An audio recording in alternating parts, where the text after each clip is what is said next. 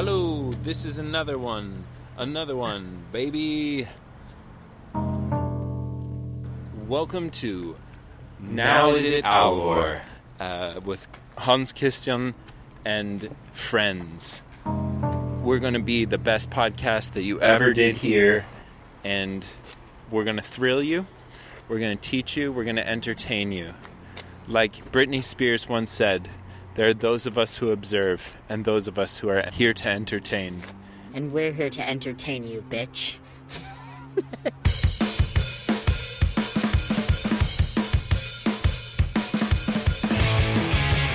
I went all in. You put right out. I was certain you were all down. Ok, folkens. Nå skal jeg faktisk eh, gjøre noe så sjeldent som å ta et eh, telefonintervju, eller et såkalt eh, Skype-intervju. Eller faktisk skal jeg intervjue på, på Messenger. Så skal vi se her, jeg skal bare ordne litt sånn teknikk og sånt, og så, så skal vi ta og ringe opp dagens gjest. Kan du gjette hvem dagens gjest er? Ja, det kan du. Det vet du allerede, for du har jo sett hva tittelen til eh, dagens episode er. Så nå skal jeg ringe han eh, Bjørn Tore. Skal vi se her. Bjørn Tore, can you hear me? Bjørn Tore. Én, to, tre. Start videochat. Nå kan alt skje. Hallais! Hallais! Ja, ja. Se der, ja. Da har vi kontakt. Jeg vet ikke om du eh, forventa at jeg skulle ta og ringe deg med, med video. ja, det går fint, det. Det går bra. Skal vi se, jeg skal bare dobbeltsjekke lyden her. Hva Skal jeg, si, jeg skal prøve Du må snakke litt til. Eksempel, hva, hva har du trent i dag? Ja, i dag har vi hatt litt forskjellig. Jeg har hatt tre løpeøkter, og jeg har hatt uh, litt uh, aquajog og litt spinning og ja, litt forskjellig, egentlig. All right. Da tror jeg, da tror jeg lyden er perfekt, altså. Ja, Ja. vi kjører, på. Ja. Ok. Bjørn Tore, vi uh, Jeg har jo hatt lyst til å ha podkast med deg lenge, og eh, vi har prøvd å få det til et par, et par ganger, ikke sant? Og Ja, ja, ja. senest eh, så var jo det faktisk på Gran Canaria. Ja, der vi nesten eh, kryssa, kryssa stien med hverandre. absolutt. Men det, det ble ikke noe av. Og så, så tenker jeg da Jeg hadde en liten åpning i, i kalenderen i dag, og så tenkte jeg hvorfor ikke kontakte han eh, Bjørn Tore, og så tar vi bare og, og prater litt eh, skit. Ja, Ja. Eh, hva du sier til det? det er helt perfekt. Ja. Vi, det er bare å kjøre på. Ja. Ja, jeg tenker det første vi kan gjøre, er å bli litt kjent med deg, for dem som ikke er kjent med deg. Du er Jeg leste litt på nettsida di. Eh, du kommer fra Osterøy, er det så? Ja. Ja. Jeg, jeg, er, mm, jeg er ikke født på Osterøy, men jeg eh, har vel eh, bodd på Osterøy siden jeg var ett år gammel og flytta til fastlandet igjen eh, i gymnastiden. Ok. Eh, så du er fra, du er fra Vestlandet, og hvilket årstall er du født i? Eh, 79. 79, ja. All right. Vi, vi blir, blir ekte veteran i år, Ja, ikke sant? Ja, på papiret. på papiret. um, ja, skal vi se. Hvordan skal vi bli kjent med deg, Bjørn Tore? Skal vi, skal vi ta det fra, fra barndommen, eller skal vi ta Hva du tror? Nå hoppa nå hopp, nå hoppa jo du til, eh, til gymnaset, men hva, har du drevet med noe idrett? Det her er jo på en måte litt av din, av din story, som de fleste ja. som vet litt om deg, de vet jo at du er jo Du kommer jo ikke fra den tradisjonelle eh, idrettsbakgrunnen. Nei, det gjør jeg absolutt ikke. Jeg, eh, jeg spilte jo fotball sånn som de fleste gjorde eh, i barndommen. På alle bestemte lag, selvfølgelig. Sant? Og det var Vi hadde et ganske bra lag i, i Hausvik på Osterøy, husker jeg. Og vi vant faktisk serien. eh, Når vi gikk, vi? Vi gikk vel i syvende klasse når vi vant serien med Hausvik.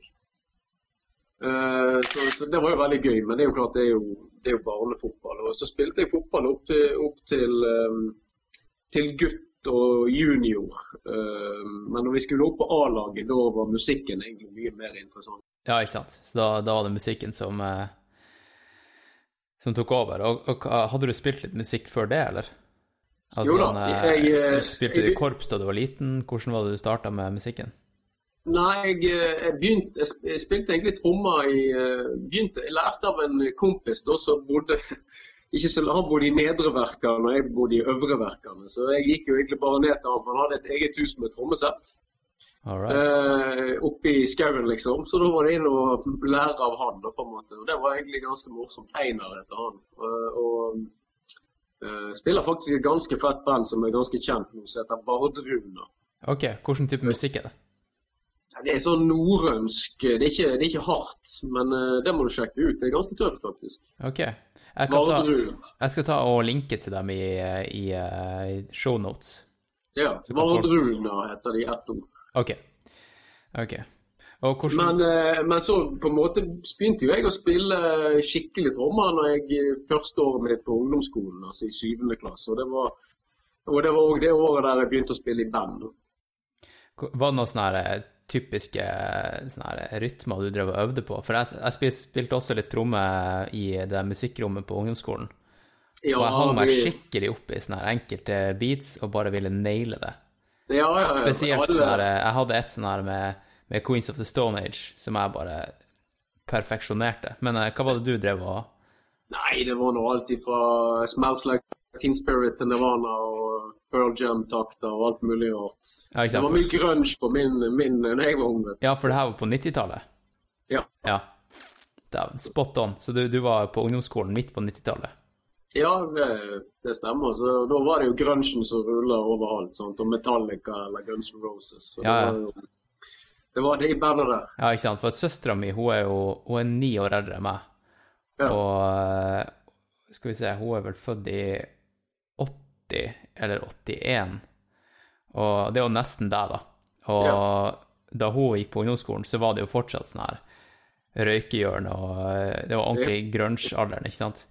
Røyk, Ja, ja. Røykehjørnet er ikke så populært lenger, har har jeg hørt.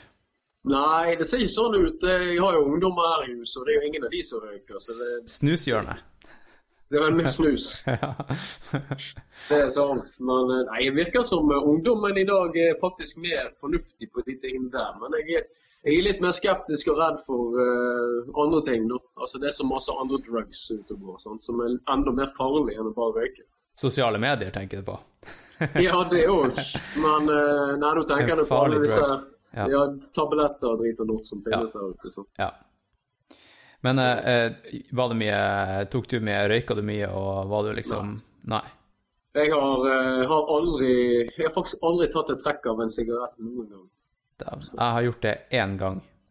Ja, Og aldri igjen. Nei, det var for å imponere ei, ei, ei jente mens jeg var russ. ja. Hun ble imponert. Ja. ja. Nei, det får holde, med at man tok en øl eller to.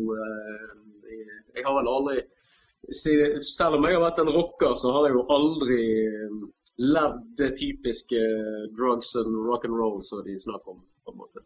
Nei, du har ikke det, nei?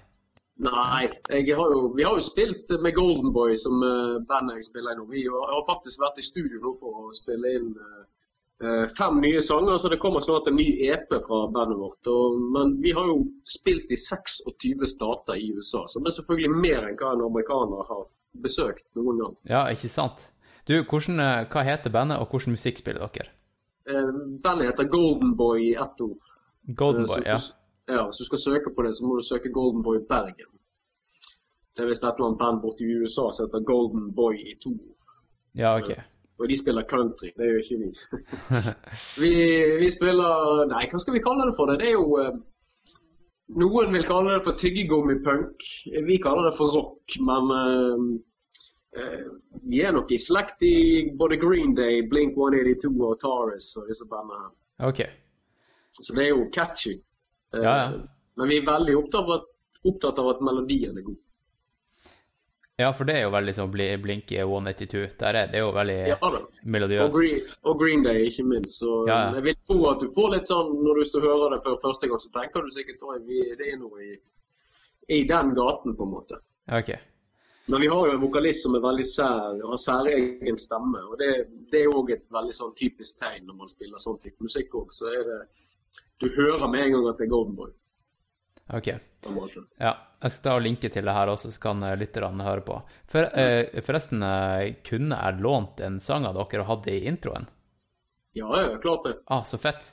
Eh, hvilken sang anbefaler du da? det, kan, det får du lov av meg, det kan jeg bestemme. Jeg, jeg har låtene like mye som de andre.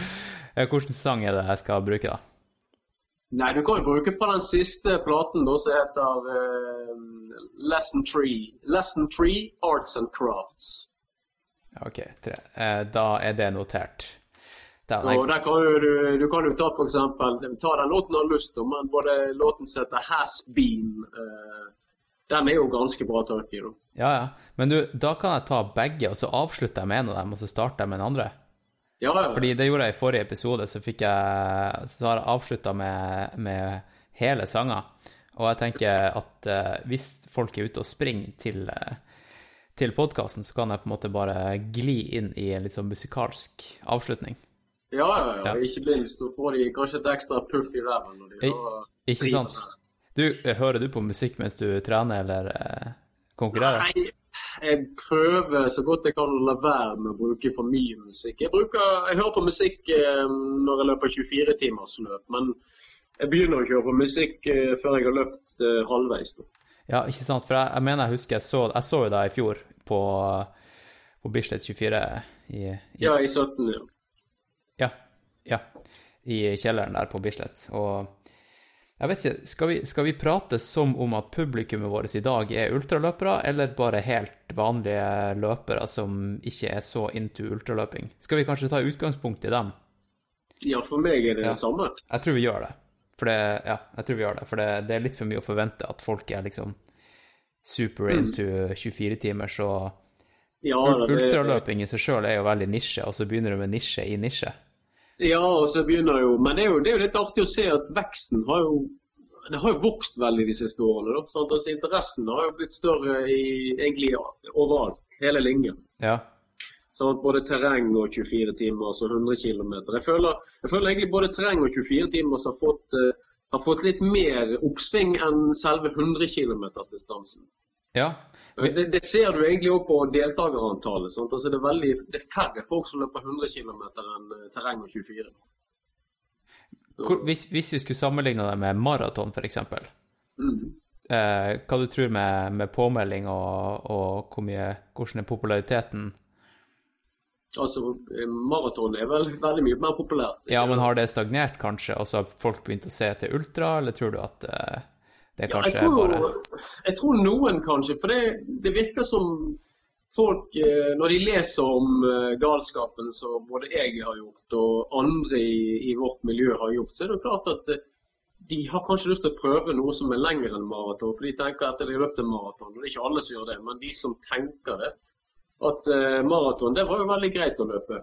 Kanskje jeg skal prøve på noe som er enda tøffere. At de har, har den tanken. Ja, for hvordan var det du starta å løpe? Hva, hva var det som var greia? Nei, jeg begynte jo egentlig med løping fordi det var den enkleste måten å eh, ta av kilo på. Sånt. Jeg veide jo 108 kilo uh, når jeg begynte å løpe. Ja, og hvor høy er du? Bare for å sette en kontekst. Eh, 1,82. 81. Vi er akkurat like høye, da. Ja.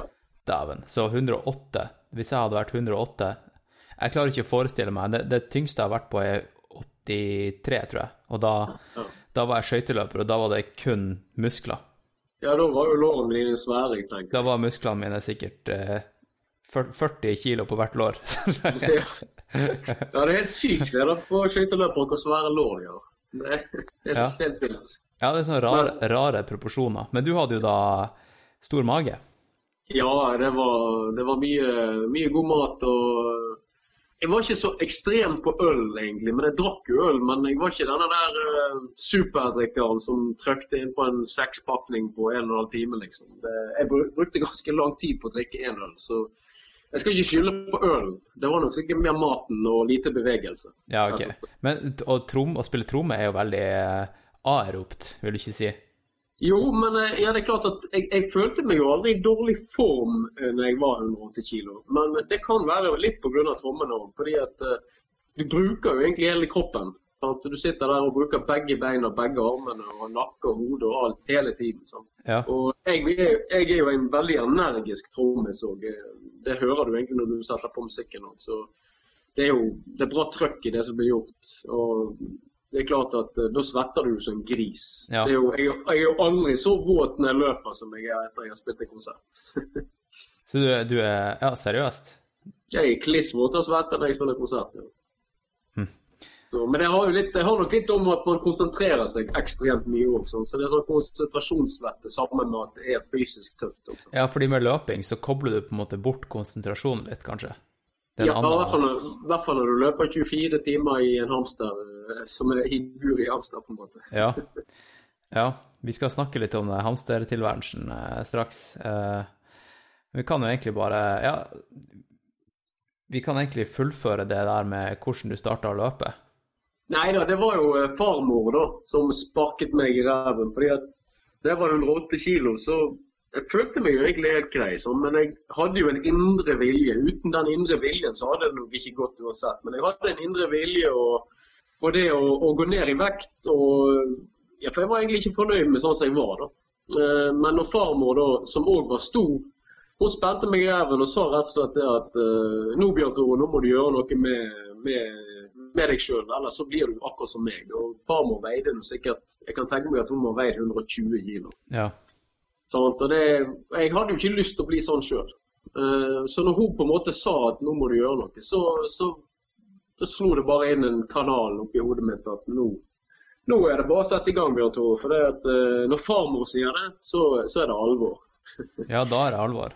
Men det, men det er jo det er sånt. For det er, det er jo ingen personer eh, jeg kjenner nå, eller har kjent, eh, som jeg har, har hatt så stor respekt for som farmor. Og, eh, hun, er lyn, hun var lynintelligent, intelligent, eh, men eh, og, og vanvittig grei. Jeg tror kanskje verdens beste farmor uansett. Men det er liksom eh, grunnen til, altså Respekten var så, var så stor at når hun sa det, så var det bare å gjøre noe med det. Uh, Ja. og jeg kjøpte jo sko ganske kjapt, og så jeg gikk eh, dagen etterpå faktisk gikk jeg på gikk jeg på Jeg vet ikke hva den butikken het, jeg tror det var MX-sport eller noe. Så gikk jeg og kjøpte, kjøpte Essex uh, Trainer. Oh. Typisk, uh, typisk skoen for de som er litt store. Ja, men du, jeg, jeg brukte de DS Trainer eh, i gamle dager, da jeg var skøyteløper. Det, var liksom Ja. det var bare det jeg brukte. Ja, men det er jo, det en god sko. Det er jo dritbra Så- sko. Men så kjøpte jeg den og begynte egentlig i det små. Sånn. Så da begynte jeg med å løpe jeg, gikk, jeg begynte ikke å gå i hele tatt. Jeg begynte rett å jogge. Og da løp jeg tre kilometer ca. Jeg har en, runde her ved siden av huset vårt her som er akkurat tre kilometer. Den løper jeg da eh, tre ganger i uken i starten. Og så økte jeg jo til å løpe annenhver dag. Sånn, Da blir det jo tre den ene uken og fire den andre.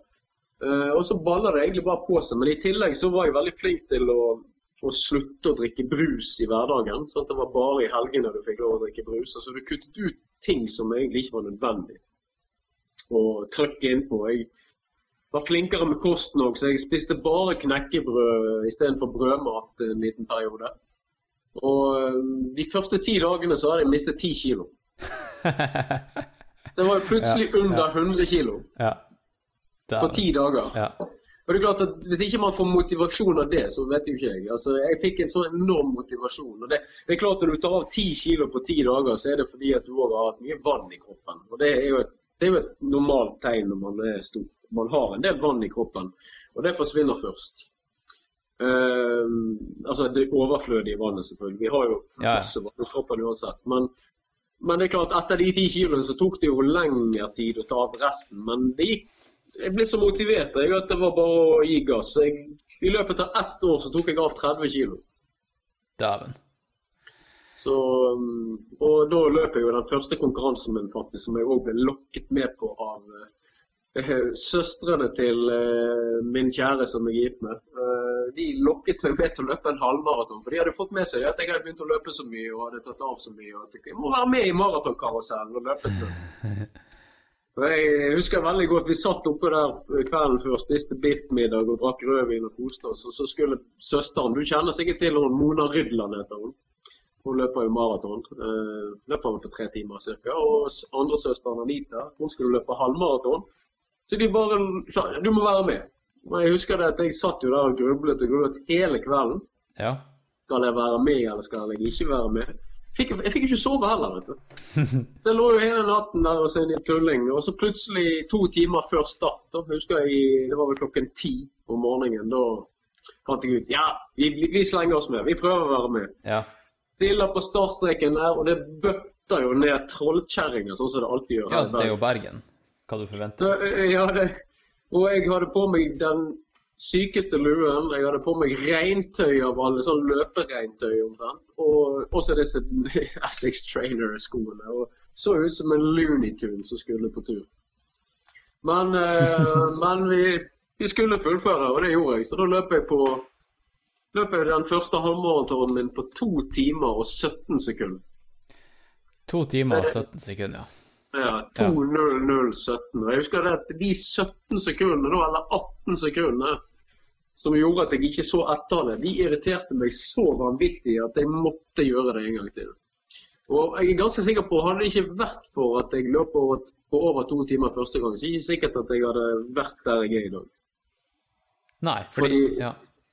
Så fordi at det gjorde til at jeg måtte gjøre det en gang til. Og den andre gangen da, så løp jeg jo på 1 1,48, så jeg persa jo egentlig ganske bra. ja, da persa du ganske solid. Så det var jo allerede bare måneden måned etterpå. Og etter jeg perset til 1,48, så bikket det jo egentlig over. Da ble jeg totalt bitt av den løpebasillen. Og meldte meg jo på rubbel og bit av løp som fantes i Bergen. Og i Bergen så er det jo løp hver helg. Men da, da har du jo da på en måte gått over fra å, å, hadde, å gå ned i vekt som eh, mål, til å gå ned, altså å, å sette pers, Riktig. ikke sant? Det er ganske jo, viktig. altså, dette var jo to, to timer og 17 sekunder var jo i februar. Ja. Og i mai så løp jeg 1,33 i uh, i Åsane. Og så mener jeg at jeg kom ned på 1,22 det samme året mot slutten av året. Så det er jo ganske stor forbedring på ett år. ja, absolutt. Og nå har jeg, nå har jeg 1,13 nå som pers. Ja. Det er ganske solid, det også, altså. Ja, det er ikke så gale. det. Jeg vet nå det at jeg skal kunne klare å løpe fortere enn det, men eh, da må jeg nok løpe i en annen, en annen løype enn Oslo. Oslo er ganske tøff. Ok. Jeg har aldri løpt eh, halvmaraton eller maraton, jeg. Nei. Jo, jeg løp halvmaraton eh, en gang da jeg var sånn 19 eller noe sånt, jeg husker ikke tida. Det var et Midnights Marathon, uh, bare for, å, for testing. Ja, jeg har, den står faktisk på bucketlisten min. Jeg har lyst til å reise opp og gjøre, gjøre maraton der oppe i klokken ni om kvelden. Ja, ja det er fantastisk, fantastisk arrangement. Men du, um, uh, så, du så du, du gikk fra halvmaraton, uh, du gikk fra å være st eh, stor, uh, slanke deg, til å ha lyst til å springe fortere. Mm. Eh, og så har det jo skjedd noe, da. For du er jo, du er jo blitt ultrakongen, Ja. ikke sant? Jo, jo, Hvordan ble du ultrakongen, og hvordan begynte du å se etter, eh, etter litt lengre distanser enn eh, halvmaraton? Hva skjedde? Nei, eh, jeg husker jo, Først kan vi jo ta med maratonen. Jeg, jeg husker det at jeg gjorde jo jeg gjorde mitt første maraton samme året som jeg begynte på Nei, maraton samme året som jeg begynte på halvmaraton. og Det var jo i, i Stavanger maraton august, da, som er jo bare et halvt, mindre enn et halvt år etter første halvmaraton. Hvordan år var det her? Var det her? 2008. Ok. Og når jeg gjorde det første maratonet, så var jo det da helgen før jeg skulle gifte meg med Kjersti. og så Det var 16. august eh, jeg løp i Stavanger 2008. Og da, da var jo jeg ganske optimist og gikk ut som idiot. Sånn som du ofte gjør når du tror du er god med å løpe maraton. Ja. Og hamret ut. Jeg husker jeg passerte halvveis på den maratonen der på 1,27 og tenkte helsike, jeg ligger jo på andreplass, det her går jo som en drøm. Jeg kan jo bli pallen til og med. sånt. Og så, bare fem kilometer etterpå, så smalt det jo så inn i ja. Eh, jeg tror jeg, den, den følelsen som jeg hadde da, den har jeg aldri hatt igjen etterpå. Eh, det smalt så vanvittig. Og det var jo varmt òg. Det var 27 varmegrader. Det var nesten ingen sånne Og vi hadde ikke noen ekstra drikkestasjoner, så det, vi ble jo helt dehydrert hele gjengen. Jeg husker det var veldig mange som sleit på det løpet der. Eh, men jeg, jeg, det smalt så vanvittig at jeg kom i mål på 3 timer og 55 minutter. ja. 1,27 på første halv, og det er ganske heftig. Ikke verst. Ganske heftig smell. Ja. Men jeg kom, kom til mål, da. Så, men eh, så, så etter det så husker jeg jeg løp bare en måned etterpå. Så løp jeg Oslo Maraton på tre jeg tror jeg hadde tre timer og tolv minutter. Så da var det jo en kjempeforbedring og et mye mer et smartere løpsopplegg. Eh, men etter det så fant jeg òg ut at jeg, jeg har egentlig lyst til å prøve lengre ting. Og da var det det at jeg så den eh, eh, Vet ikke om du har hørt om den jernmannstatuetten som vi har i Bergen? Nei.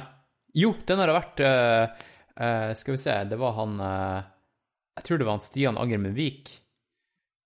Ja, han, har ikke, gjort- han har ikke gjort den, men eh, Nei, men, Men Nei, jo- det, han, eh, han viste meg den, tror jeg. Eller kan du gjenta? Eller hva Ja da, nei, da, da, skal, du gjøre fem ting da, på, eh, i løpet av en sesong. Du skal løpe én maraton i maratonkarusellen. Og så skal du svømme 5000 meter på under tre timer. Oh, ja. ja, og så skal du sykle Bergen-Voss. Og så skal du uh, gå eller løpe sy Syvfjellsturen i Bergen. Og den siste, som òg er den tøffeste, det er at du skal òg ha fullført uh, et ultraløp. Altså den 63,3 km i Bergen eh, ultra. OK, så det er en kombo av forskjellige race. Ja, du må gjøre de fem tingene for å, for å få statuetten. Ja. Og det er, egentlig, det er vel egentlig kun på svømmingen at det er tidskrav. Er det ikke på de andre. Ok, Nei, da tar jeg helt feil. Det her var ikke det jeg tenkte på. Nei da, men når jeg, da når jeg hørte om dette greiene her, så tenkte jeg 63,3 km. Dette må jeg prøve meg på. Men det som var greien, var jo at dette løpet rakk jeg ikke. Så det var, for det var i oktober. Ja. Og, og, men så plutselig så kom jeg over en sånn Facebook-side der de hadde skrevet det at eh, det blir satt opp et ekstra jernmannsløp, 63,3 km, for det var én person som manglet det løpet for å få statuetten, så han hadde spurt fint om han fikk lov å løpe. da. Eh, han, Jan, han spurte Jan Wilhelm Werner, da, som er sjefen over statuetten. Og han òg skulle løpe, så da spurte jeg om jeg kunne få lov å prøve meg å være med. da. Dette var jo et slags funksjonærløp. Um, Der de tok tiden og alt var gjort eh, på den ordentlige måten. Og ja da, du kan være med. Så det som skjer er at jeg kommer på plassen oppe på Fana stadion, der vi starter fra og går i mål. Og vi står og venter, jeg og han Jan Wilhelm. Og han der luringen også hadde bedt om å få løpe, han kom jo aldri. Han ga ikke beskjed engang. Okay. Men, men Jan Wilhelm skulle jo løpe likevel, og, og jeg hadde lyst til å løpe. Så vi ga noe gass. vi. Og grunnen til at jeg da fant ut i løpet av det løpet der at, at ultra var var min greie, at det var, det var noe jeg burde satse på, var fordi at jeg satt løyperekord i mitt aller første ultraløp. En løyperekord som hadde stått i nesten 15 år. Oh shit. Så den smadret jo jeg med 10 minutter eh, på det 63 km-løpet. I tillegg så var det jo snø der. Den var jo ikke sånn ekstremt fort. Jeg tror jeg løp på rett under fem timer. Eh, nå har jeg jo den, den løyperekorden som står der nå, er jo ganske betydelig mye sterkere. Den er jo da fire, fire timer og 16 minutter har jeg løpt den på. Hvem, er, er det du som har den også, eller? Jeg har den, Ja, ja. du tok den? Ja, OK. ok. Fire timer og 16 minutter, så det er sånn fire blankfart. så- Ja. Og, og så har jeg, har jeg òg løperekorden på 100 km. Det syv timer og syv minutter. Ja, så da det balla på seg etter at du skjønte at du hadde talent i, i, i å springe lengre? Ja da, så etter det løpet der Det, var, det, det var faktisk i desember 2008 at jeg løp eh, mitt første ultraløp. Samme året som jeg debuterte med løping i det hele tatt. OK, så ting har skjedd ganske fort, da? Ja, det har jo egentlig det. Ja. Og så husker jeg i 2009 var det vel egentlig første gangen jeg fikk et sånn Olav Engen kaller det i hvert fall for et gjennombrudd innen Ultra-Norge. Da løper denne St. Olavsloppet som går over to dager oppe i eh, Trondheim og Sverige. Jo, bare for å si Olav Engen er jo han eh, eh, Ja, du kan jo kanskje si hvem Olav Engen er? Nei, Han er jo, eh, sitter jo i ultrautvalget, Ja. eh, samtidig som han er vel en av sjefene i Romerike ultraløperklubb. Ja, og så er han jo også en av redaktørene, eller veldig engasjert i Kondis. Ja, Ja, så bare for å ha satt den uh... ja. sånn folk vet hva man er. Ja. Uh, OK, så eh, Ja, fortell videre.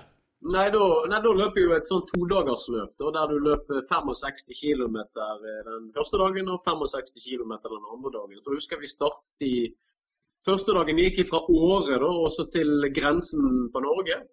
Og andre dagen gikk fra da grensen til, og til den eh, Hva heter den byen? Nå står det jo helt stille. Den største byen før Trondheim. Åh, jeg husker ikke. Men eh, det er kanskje ikke så nøye. Er det Sandvika? Nei. Det er ikke så nøye. Nei, jeg husker ikke hva den heter. du kommer til å komme på det når vi legger på her etterpå. Så. Ja da. Men uh, uansett, og så var det jo da eh, 130 km på to dager. Da, I det løpet her, da, så eh, kom jeg på andreplass totalt. Og det var jo det som Olav mente var Der fikk folk vite, se hvem jeg var, da. Ja. Eh, og etter det så tok det vel egentlig mer og mer av i forhold til at jeg løp, løp både 100 km i Bergen. Jeg eh, eh, var med på egentlig ganske mange forskjellige ultraløp. Men jeg debuterte ikke på 24-timersløp før, i, eh, før i november 2010. Det var min første eh, på Bislett. Ok. Og hvordan gikk det, da? Jo da, det, det gikk vel egentlig ganske bra. Jeg løp, jeg løp egentlig veldig fornuftig hele veien, men jeg hadde jo selvfølgelig en down-periode. Og jeg husker det at både han Olav Engen og han eh, eh, som ikke er med å arrangere lenger, Sharon Brodwell og Han jobber på løplabbet. Nå må du hjelpe meg. Eh, med skjegget der. Uh, nei, jeg vet ikke. Ja, du vet hvem han er hvis jeg hadde sagt navnet, men nå står Ja. jeg stille. Men det var i hvert fall Sharon Broadwell og Olav Engen. De var i hvert fall en av arrangørene på de, når det var Bislett på den tiden der. Ja. Og um, da, da hadde jeg egentlig en Jeg løp egentlig ganske smart og alt det der, men fikk selvfølgelig sikkert fem-seks timer der jeg hadde det veldig tøft. Jeg løp hele tiden, egentlig. Jeg gikk vel aldri et sekund men det var på do, men det gikk treigt. da. Men allikevel så kom jeg over 200 km på første forsøk. Jeg er jo faktisk den eneste løperen i Norge som har alle mine 24-timersløp over 200 km. Det er ingen andre som har. Ja, det er litt av en bragd. Eh, Så det må jeg jo prøve å holde på. At ikke jeg Ja. en dag Ja, det, ja, da kan du ikke stille til race før du vet at du er liksom superfit. Nei da, men jeg fall ikke eh, jeg tror jeg hadde- Nei, nei, nei. nei jeg, løp to, jeg løp 203 km, eller 4 km i debuten. Og det holdt til en tiendeplass, husker jeg, i, i debuten. Uh, og det var vel han eh, Det var en eller annen finne som vant uh, den dagen der. Ok, men, men etter det her, da, du fikk en super mestringsfølelse, og du tenkte nå skal jeg satse på 24-timers. Var det sånn det skjedde? Nei, selvfølgelig. Når jeg, eh, jeg hadde det ganske tøft etter det løpet der. Jeg var totalt eh, nedbrutt eh, kroppslig, i hvert fall. For jeg hadde jo aldri løpt så langt i hele mitt liv. Jeg husker det at jeg måtte ha hjelp ut av stadion. og Opp i den sofaen jeg skulle sove i til neste dag hos uh, Tero Paivarainen. Uh, men det er jo klart at uh, Du, det, du var helt ødelagt. Altså helt kake. Ja, så, så ødelagt det var etter første 24. Har ikke jeg vært etterpå, tror jeg. Jeg kan ikke, jeg kan ikke huske det, altså. Så, men det alt handler om erfaring. Eh, 24-timersløping går mye på erfaring og hvor mange ganger du har gjort det. Du lærer noe hele tiden. og det er, ikke, det er ikke lett å løpe 24-timersløp og, og gjøre det bra på første forsøk. Du er nødt til å gjenta og gjøre det flere ganger før du får ordentlig god klapp. Eh, Det, det er jo mange som er gode eksempler på som i, i Norge også har prøvd seg på 24 timer, så det har gått ad undas for uh, samtlige. Men det er klart at uh, det er vel litt sånn som både i terrengultra som du gjør mye òg. Altså, du har vel ikke hatt et perfekt løp hver gang du heller. Så. Nei. Nei, man lærer, jo, man lærer jo fra gang til gang, men jeg tror også at noen ganger så kan man gjøre det bra fordi at man går inn i et race og er naiv og ikke vet hva det egentlig går ut på. Ja, absolutt. Men jeg tror 24 timer setter litt sånn på spissen, da. Altså får du, får, får du en smell etter 18 timer, og du har liksom 6 timer igjen, så er det vanskelig å, å fortsette. Ja, det vil jeg tro. sånt. Altså, jeg husker veldig godt han eh, Jon Henry Spukta. Han eh, som har, har jo vært veldig god på 100 km. Han prøvde seg jo på 24 timer så en gang. og Han løp jo han løp veldig bra egentlig veldig lenge, men så fikk han, eh, fikk han problemer med, med næringen. Og så tror han også fikk problemer med at han uh, pisset blod. da. Og det er jo farlig. Ja, ja. ja nei, eh, jeg, jeg var, jo vitne til en som pissa blod nå i ja, i fjor, altså fjorårets uh, Bislett 24. Jeg, Ja. Han kom jo bort til meg og spurte, for han visste at jeg også hadde gjort det i et race. Ja. Eh, så spurte han bare Han tok med seg koppen bort til meg med, med, med pisse. Og så sa han eh, Hans Christian, eh, burde jeg fortsette? Så jeg bare nei, det der eh, Du kan ikke fortsette. Han hadde nesten ikke pista noe på tolv timer, og det var bare en sånn her bitte liten colaaktig sirupmasse som var i glasset. Og det, het, det, det heter er jo det er skummelt, vet du. Det er farlig når det går den veien der. Så Ja, da går det utover nyrene. Ja, da er det bare å gi seg. Ellers kan du faktisk bli alvorlig syk. Du kan bli innlagt og kronisk ødelagt, bare. Ja, ja. Du må inn, på dialyse og fikse nyrene en gang i måneden. Ja, det, det, er det, for det er det ikke verdt. Så det, det er lurt å gi seg når man får sånne problemer uansett. Men det er klart at eh, alt det der handler også litt om det handler litt om hva du klarer å ta til deg underveis på 24 timers løp. Det handler om, det handler om eh, hvilken fart du går ut i. Har du løpt akkurat litt for fort, så kan sånne ting skje. Sånn at du har ikke drukket nok, du har ikke fått i deg nok væske, rett og slett. Og du har hatt litt for høy fart. Da er det de to typiske tingene som gjør at, eh, at dette ofte skjer. Uh, har jeg lest meg til, da. Men jeg vet jo ikke om det er 100 riktig. Nei. Nei, jeg tror Det er, nok, det, er jo en, det er jo en sammenheng her, da. Ja, det er, det, er nok, det er nok en sammenheng, men jeg tror også det er litt individuelt.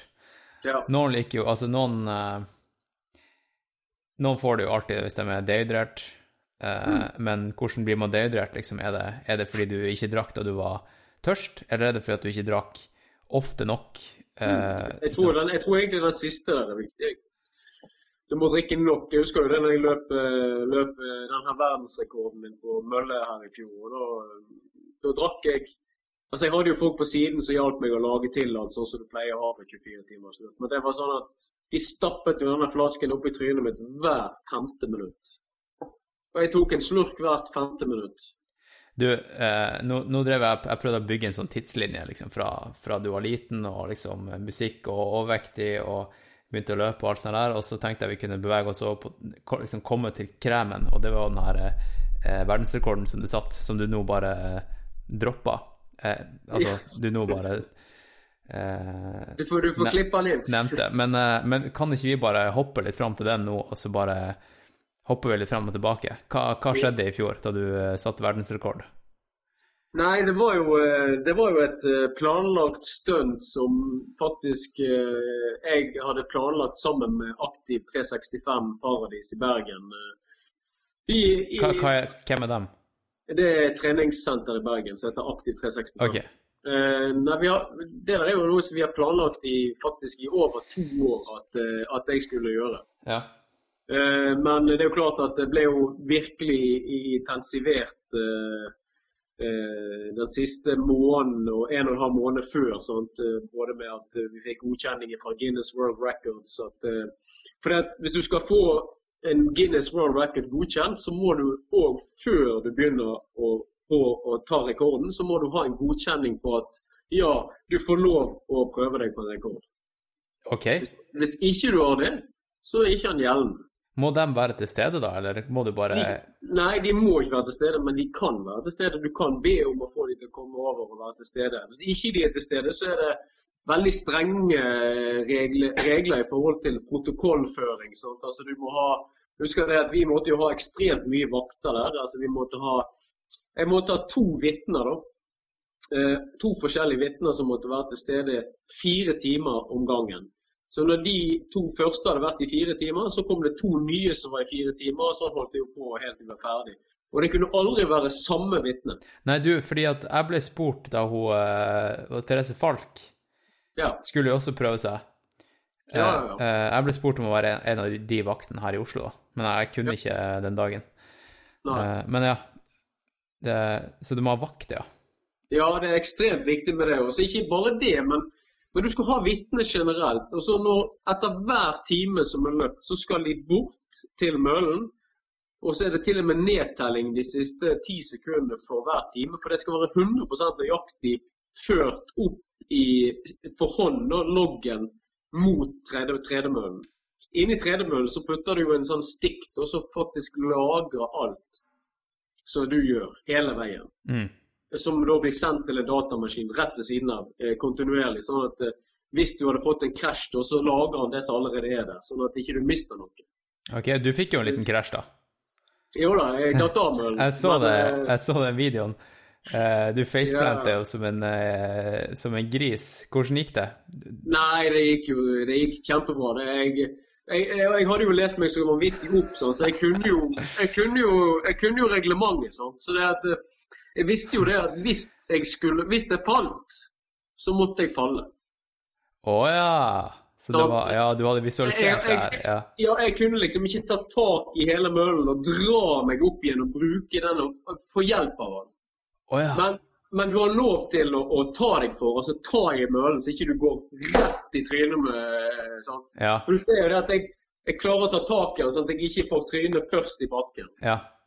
Eh, det er lov, men jeg visste òg at hvis jeg måtte falle, så måtte jeg bare falle. Og Derfor var jo kroppen altså Jeg var mer en sacosekk i kroppen enn at jeg var anspent. Og, da slår du deg jo ikke. Nei. Så Hvis du ser denne videoen, så ligger den jo nå i riktig fart, og så ligger den i sakte film. Men hvis du ser i sakte filmen, så ser du at, at jeg har klart å strekke ut hele kroppen før jeg lander. Sånn at jeg, jeg ligger jo helt flat før jeg kommer helt ned, og da demper du jo fallet. sånn. Ja, men det her er toppidrett. Her har du visualisert hele veien hva, hva du skal gjøre hvis du tryner. Ja, ja. Hadde du øvd på det i, forkant, eller? Nei, jeg hadde, jeg hadde, nei, det hadde jeg ikke. Men det, det som var bra, var at jeg heldigvis hadde fått all, alt av bein forbi mølen før jeg rett og slett landet med armene. Sånn, Ja. at de ikke, ikke slo seg i hele tatt. Så, nei, jeg fikk ikke vondt én eneste plass. Jeg trodde jo først at jeg hadde adrenalin eh, oppi taket der. så det hadde jeg nok òg. Og at jeg kom til å kjenne noe om en liten stund. Men det gikk en halvtime, kjente ingenting. Gikk En time, kjente ingenting, osv. osv. Jeg hadde rett og slett veldig god, eh, god tur.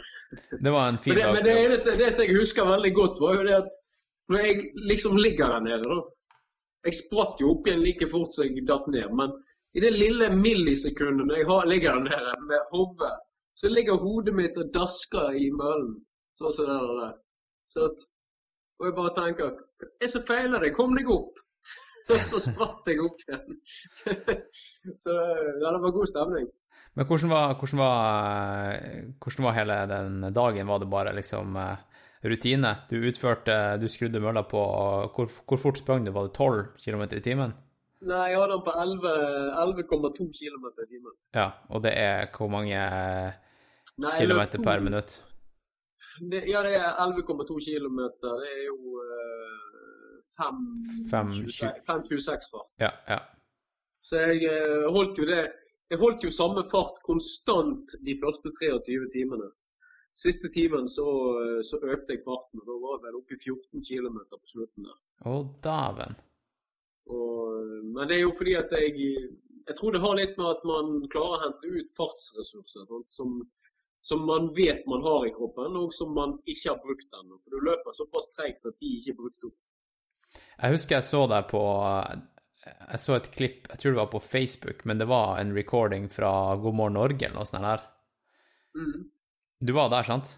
Jeg var på God morgen, Ja. ja. men det var, det, det, det var, ikke, var, ikke, var det hos Lindmo, kanskje? Nei, men det, det her var etter eh, Det her var etter du hadde sprunget 24-timeren på Bislett, tror jeg.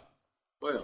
Eh, og da spurte en av de der eh, eh, damene som En av de vertene, vert, vertinnen, eh, hvordan føles det ut den siste timen, eller på slutten av en 24-timersreis? Og da sa du et eller annet sånn her skikkelig vågalt, husker jeg. Sånn at, at det brenner fra, fra rævhullet og opp, og det er Ja, sånn nei, deilig nei. følelse. Kan du prøve å gjenta det? For at Nei, jeg husker godt, det var, det var på Lindmo-show. det. Ja, OK, OK. ok. Eh, Ja, det var Ja. på en måte Jeg sa vel sånn at uh, følelsen er vel sånn at du har Altså, du har frysninger fra nakkehårene og inn i rævhullet, sa jeg. Ja.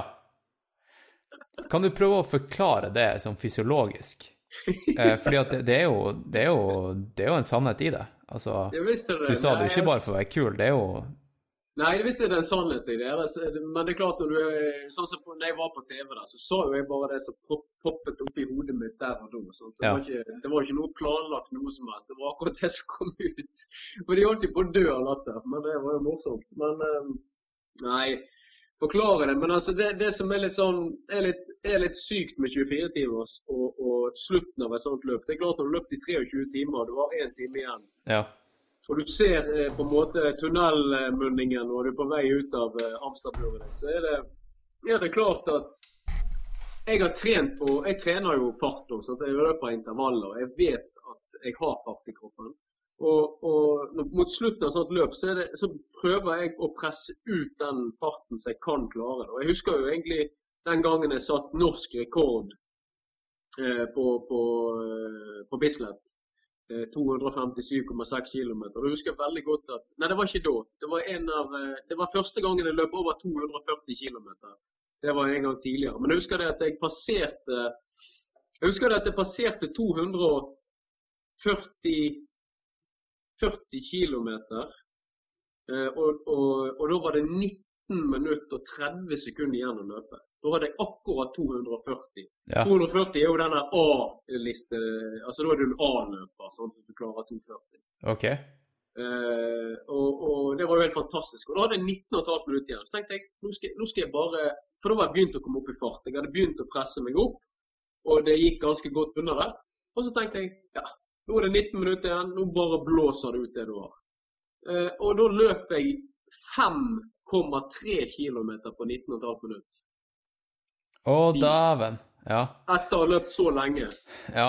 Ha, eh, nå, skal jeg, nå skal jeg ta og name-droppe en eh, kis her. Eh, det er jo en, eh, en veldig inspirerende eh, liten ung gutt som har møtt opp på denne fellestreninga vår eh, stirsdag.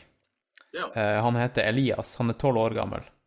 Såpass. og eh, han, eh, han er i bedre form enn eh, veldig mange av dem som er der, og bare Ja. ja, gønner på. Og et av hans mål er å eh, nå springe sub 20 på 5 km. Ja. Det kommer han jo garantert til å klare. Men, ja. men eh, jeg håper han hører på. Han, han hører jo garantert på.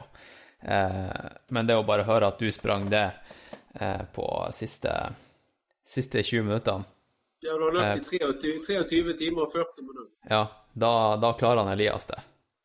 Det, Garantert. Det. Ja, det skal han klare. Men, eh, men det, det som var så sykt med det, var jo det at jeg klarte å hente ut disse her eh, fartsressursene. Da, så jeg visste at jeg ikke hadde brukt den. Og så, for du løper i en såpass rolig fart frem til da. Sant? Og det vil jo si egentlig eh, litt fortere enn seks minutter per kilometer. Sant? Så er det liksom det at du vet at de er der. Og hvis du klarer å hente de ut, det går an, men du må jo på en måte få hodet ditt til å være med på, på det. For det gjør jo vondt. Ja. Men det, det, det var jo da jeg fikk denne der følelsen der med at, eh, at, eh, at du løper rundt der i den farten der, og det går så fort, og så ser du alle du løper mot, de ser ut som de går. Altså, De, gjør, de gjør jo det. Ja, men de ser jo, det ser ut som de altså, Hva som skjer? Løper jeg så fort at det, det ser ut som jeg er med i en egen film eller noe. Det var helt vilt. ja. sant? Og da, da kom denne følelsen der av at Åh, altså nå har jeg frysninger. Og så, og så var det jo det i tillegg. Det var det første gangen jeg tok eh, Det var den første NM-tittelen min òg. Altså, det var jo, dette var i 2012. Det var første gang det var NM i 24 timer.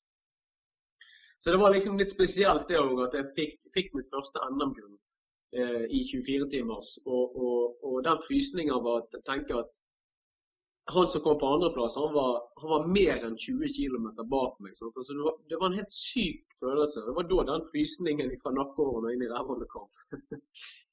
så, så det er liksom der det kommer fra. Hvor ofte kan man race sånne her race? Det, for det tar jo såpass mye på kroppen at uh, hvis en, en toppatlet sånn som deg, eh, hvor, hvor ofte kan kroppen tåle Hvor hyppig? Hvis du klarer å fordele de med bra mellomrom, så, så kan man vel så, så skal man vel kunne klare å løpe tre stykker. I året? Ja. Ja. Men det er, ikke, det er ikke lett å få det til, da, uansett sånn som løpene er lagt opp. Så I år så er jo i år er jo VM i 24 timers eh, i, i oktober, og NM er i november. Så i år blir det tett, og det blir tøft. Det blir tett og tøft, ja. Men da må du jo kanskje legge opp treninga sånn at du er kapabel til å restituere imellom dem også. Ja, Og- og hvordan- klart, eh, hvordan legger jeg du har- opp? Nei, jeg har en veldig god plan som skal legges mellom VM og NM. Så, men det er klart at uh, i år, så, i- oppi hodet mitt, og så har jeg kun, altså jeg har kun fokus på, på VM fram til VM er ferdig uansett. Altså, akkurat nå så tenker jeg ikke på NM i det hele tatt. Jeg, eh, hodet mitt er allerede i Frankrike. Ja, for det, er- det er Frankrike. Der, Ja. ja. Skal lø- løpe i en by som heter Albi. Skal, er det ute eller inne? Nei, det er ute. Ja. Det er en løype som er cirka Jeg lurer på om de har gjort den litt lenger. For vi løper jo Vi løp EM i samme, samme by og nesten samme løype for, eh, i 2016. Så nå har de fått samme plass har fått VM òg, fordi det var en fantastisk bra arrangør. Så det er egentlig- ganske godt fornøyd med det. For det, Frankrike er ikke, det er ikke så stor forskjell mellom Norge og Frankrike temperatursmessig. Og dette er i oktober også. Så Ja. det blir levelige forhold. ja. Eh, Men jeg tipper løypen er 1400 meter lang eller noe sånt. OK, for den er Da er det ikke på bane? Ja, vi skal løpe Vi løper 400 meter på en bane òg. Men vi løper en Det ser ut som vi skal løpe en slags eh, Vi løper Vi starter utenfor banen. Så løper vi rundt banen på utsiden av tribunen. Dette er en ganske stor stadion. Så kommer vi inn igjen og løper en hel runde, og så ut igjen. Og så løper vi rundt en eller annen tennisbane og noe styr litt lenger borte. Og, da, og så gjør du samme runden hele veien. Så du, skal, du, skal, du får 400 meter på tartandekk eh, i tillegg. Så det litt sånn forskjellig underlag. Interessant. Så, Det men, det er, jo- det er- jo, ja. men det er flatt. opp, Det er jo ikke akkurat, det er ikke noen bakker innlagt der. Er det noen, er det, noen navn som eh, kommer og sti, eh, som stiller opp der, som uh, lytterne våre kanskje har hørt om? Det er jo noen Jeg, jeg, mistenker at uh, mesteparten av lytterne mine, de er ikke 24-timersløpere. Nei da, men kjente navn. Altså, jeg er litt usikker på om han kommer i år. Han, han, jeg tror han proklamerte her i fjor etter EM at det var hans siste mesterskap. Men han har jo vunnet VM før, en tysker som heter Florian Royce. Han er jo ekstremt sterk. Eh, Jeg er litt usikker på om han faktisk kommer til VM, men han, siden han sa han egentlig skulle gi seg. Men eh, det hadde vært kjekt. Og jeg slo faktisk han i EM i fjor. Eh, Han kom på tiendeplass når jeg kom på syvende. Ok. Men, men da, da, da skjønner jeg Jeg vet ikke hvem det er. Nei da, men eh. hvem andre kanskje som du kan kjenne disse her? Nei, jeg vet ikke. Sånn her eh, Nei, jeg vet ikke. altså, Kjenner du til disse svenskene? Johan Stene? Ja, han har hørt om. Ja. Ja, han, han, eh, han, var jo på plass, han var jo på plassen bak meg i EM i fjor. Han Ok. kom på åttendeplass. Og han eh, Det var han som løp dette eh, Big Backyard og Han, ja. Big Dog Ja, ja, ja. Backyard, eller hva det heter. Det er han, ja. Bi- Bigs Backyard Ultra. Ja, Big Dog heter det vel. Ok. Ja. Jeg Han løp 58 runder før de var ferdig. han spør, Det var vel over 400 km, det? Var det ikke det? Ja, ja, ja. Ja. 58, 58 ganger 6,7. Det er ganske vilt. altså. Shit, ass. Men du, eh, Bjørn Tore, hvordan trener du egentlig? Nei Hvis vi går litt dypt i Hvordan er en, en eh, Hvordan er uke for deg? For jeg har hørt noen rykter. Eh, Ja, du, du hørt noen rykter, ja. det går rykter på, på stien her i Oslo. Det går rykter. ja Jeg var faktisk ute. Jeg var og sprang nettopp, eh, eller tidligere i kveld, før, eh, før den praten her, og da tilfeldigvis traff jeg på en annen som har vært på podkasten, han eh, Askild eh, Vatnbakk, og så sa jeg jeg skal kanskje snakke med han eh, Bjørn Tore i kveld. Eh, har du noe Er det noe du lurer på? Og da kom det der opp med, med Hva det var han sa? Har du sprunget syv eller åtte turer i dag, Bjørn Tore?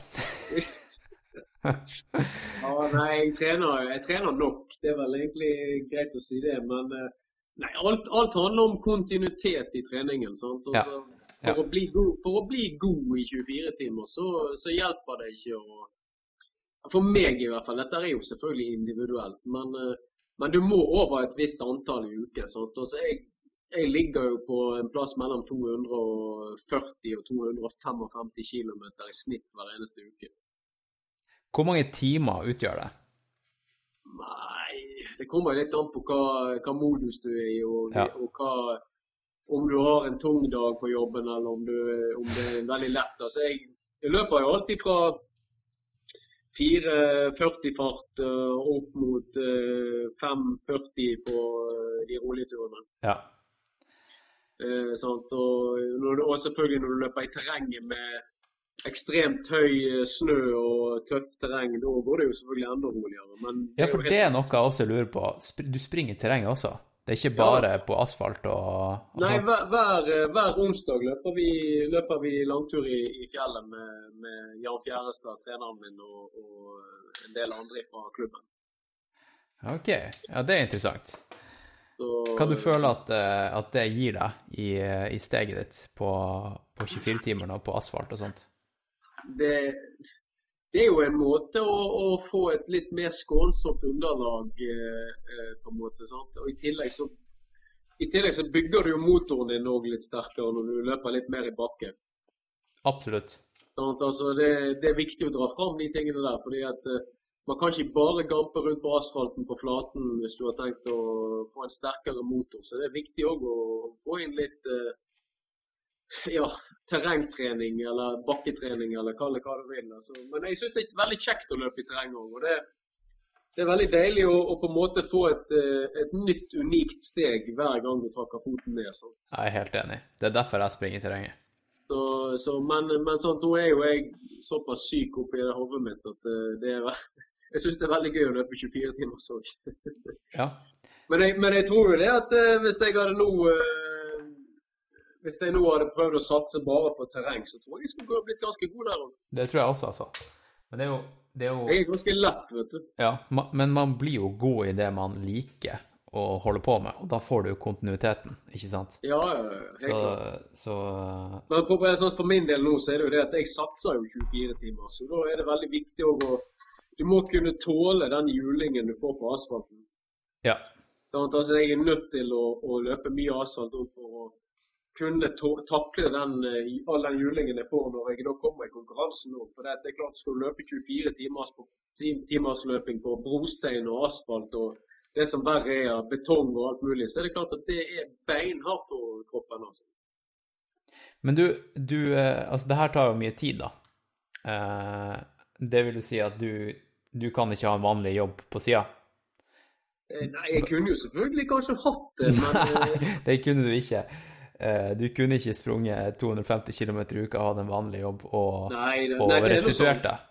Nei, ikke, ikke hvis du skulle ha restitusjon ved siden av. Nei, og det er jo veldig viktig å restituere seg. Og ikke minst er det vanskelig Det har vært veldig vanskelig å få det til i forhold til min sånt. Jeg har jo familie og sånt, og unger Ja. og alt mulig. Så det er klart, hadde jeg vært bare meg sjøl, så hadde det nok vært litt enklere. Men vi må ikke undervurdere restitusjon. Restitusjon er faktisk veldig viktig. Du, apropos restitusjon, det her vet ikke du, mens, men under det intervjuet her, så har jeg sittet med sånn her Compex på beina.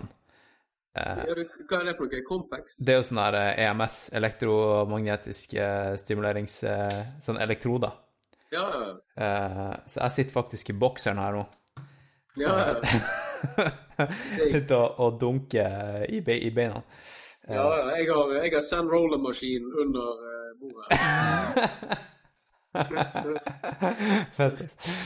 Eh, ja. Det er bare, bare å kjøre på. ja. Jeg tenkte jeg skulle høre med deg om du hadde noen sånne hemmeligheter også, sånne recovery-hemmeligheter til eh, Eller hva, hva gjør du for recovery? Hva er liksom, Når du er ferdig med økt én, du har sprunget dagens første økt, som var på et maraton, og så skal du hjem og restituere deg, og så altså til neste Ja. maratonsøkt. Hva, Nei, hva gjør du? All right, folkens. Da er det på tide å avbryte denne eh, fantastiske samtalen mellom meg og ultrakongen eh, med å gi et par shoutouts. Og det går til mine kjære, kjære patrions. Du har sikkert hørt meg snakke om Patrion tidligere, og det er jo en sånn her eh, crowdfunding-plattform for uh, uavhengige innholdsskapere, Uh, sånn som meg. Og um, forresten, hvis du hører litt sånn uh, flyplasslyder i bakgrunnen her, så er det fordi at jeg er fortsatt på Gardermoen. Um, jo, jeg bruker nemlig en tjeneste som heter patrion.com for å finansiere hele produksjonen av podkasten. og ikke bare det, men jeg bruker den til å finansiere livet mitt også nå. Eh, og det går ikke helt rundt med livet, men det går rundt med podkasten. Og på sikt så planlegger jeg å få det til å gå 100 rundt eh, med livet. Og det vil si at eh, da kan jeg gjøre det her på fulltid. Hvor fett hadde ikke det vært, lytter? Hvor fett hadde det ikke vært å ha en eh, løpe outdoors-podkast der som var helt uavhengig, og som bare Ja, det kom en episode i uka, og han som er verdt bare serverer deg kanoninnhold fra innsida. Eh, det tror jeg Det tror jeg kommer til å bli helt knall, og jeg satser på å få å begynne å gjøre det fra og med august 2019. Detaljer skal du få med deg videre i eh, senere episoder, men eh, eh, akkurat nå så sitter jeg på Gardermoen, som sagt, og så driver jeg og scroller gjennom alle her på Patrion som støtter meg med ti dollar eller mer. Det går nemlig, nemlig i eh, amerikansk valuta her på patrion.com. Um, og um, det er så nice å se på denne lista her, fordi at jeg har bedt alle dere om å laste opp profilbildet. Eh, fordi at eh, det er nemlig sånn at dem som støtter med 10 dollar eller mer, de kommer med på eh, en sånn her custom race-T-skjorte som jeg printer opp for hvert store race jeg gjør. Og um, neste store race, det er Transvulkania, som du kan komme med på til T-skjorte eller bandana eller et eller annet sånt. Og um, jeg har laga en T-skjorte for Japan Races som jeg skal gjøre 21.4. Og der er Den T-skjorta har jeg allerede fått uh, i posten, så den er det for seint å komme med på. Men Transvulkania, som er i mai, den er neste, neste ting å signe seg opp på. Uh, men jo, uh, det er så fett å se alle ansikter her. Jeg har jo gått da inn på alle profilene, lasta ned hvert enkelt bilde for hånd og skrevet opp navn. Og så har jeg laga en nettside med oversikt over alle de menneskene her der ute i eh, det ganske land. Og det jeg bruker å gjøre i hver episode, det er jo å gi en shout-out til alle dere. Eh, så da setter jeg bare i gang, jeg. Jeg tenker jeg bare setter i gang. Så du bare gir meg ett sekund her, skal jeg ta og filtrere litt her. Og da starter jeg med han Alexander. Han Alexander som jeg nettopp har begynt å coache. Eh, som satser på å springe Ecotrail 50. Ikke bare satser han, det er det han skal gjøre. Så jeg hjelper han mot det, eh, frem mot det, og så videre i hans ultrakarriere etter det. Og det blir dritfett. Eh, og hvis du lurer på hvordan du kan få meg som eh, løpetrener, så er det bare å sende meg en melding, så, eh, så tar vi en prat om det. Det er, det er veldig givende å, å hjelpe andre i, i, sine, i sin løpekarriere og oppnå sine mål. Og um, skal vi se her Ja, neste. Det er han Amir, Anita, Arthur, Asgeir, Atle, Bernt, Bjørn Otto, Bård, Bård, Chris André, Kristel, Fred, Fredrik, Geir Morten, Gorm, Håkon, Iselin, Janne, Jenny, Joakim, Johannes, Jørgen, Kenneth, Kenneth som jeg også coacher. Eh, Dæven, altså, du legger inn bra arbeid. Eh, jeg, jeg skal ikke bruke for mye tid på å kommentere folk jeg, eh, som støtter meg på Patrion, men eh, Kenneth, eh, bra jobba, ass. Og du skal jo eh, Eller han Kenneth, han skal jo faktisk eh, gjennomføre et sånn her personlig eksperiment eller prosjekt i en sånn her lokal slalåmbakke ikke langt unna der han bor i Rena. Eh, der han skal springe opp og, ned denne slalåmbakken på natta i tolv timer i strekk. Eh, hvorfor han skal gjøre det, det må du bare spørre han om. Eh, men eh, det er ikke så viktig. Det viktigste er at det er fett med sånne her eh, prosjekter. Eh, Nestemann det er Lars Erik, og så er det Liss, Liv Anna, eh, Mats, Margaret, Marie, Markus, Mathieu, Monica, Morten, Ola, Ola Anders, Pål, Rasmus, Reidun, Remi, Remi, Rina. Rina hun er helt fresh eh, Patrion. Eh, velkommen, eh, Rina. Velkommen skal du være. Og jeg sendte jo deg en sånn velkomstvideo da du ble Patrion. Og da sendte jeg også en eh, oppskrift på en sånn her gryterett som jeg hadde laga. Som jeg skulle til å spise da jeg sendte deg en eh, video. Vi sendte deg videoen, og det kan jeg si, lytter. Den dagen så lagde jeg en eh, gryterett. Jeg kok kokte opp masse grønnsaker og ja, alle ingredienser det, det skal jeg spare meg for. Men det jeg gjorde da, jeg kokte det opp, og så satte jeg denne gryta her da i ovnen på 150 grader. Og så stakk jeg ut og sprang i to timer. Og da jeg kom tilbake, så hadde den stått og putra og godgjort seg. Og da var det bare å stappe det her i seg. Så det er hot tip. Eh, lag mat, sett det i ovnen, og så godgjør det seg mens du er ute og springer. Eh, Robert, Ruben, Rudi, Sigrid, Sigrid som jeg også trener. Eh, du er en maskin.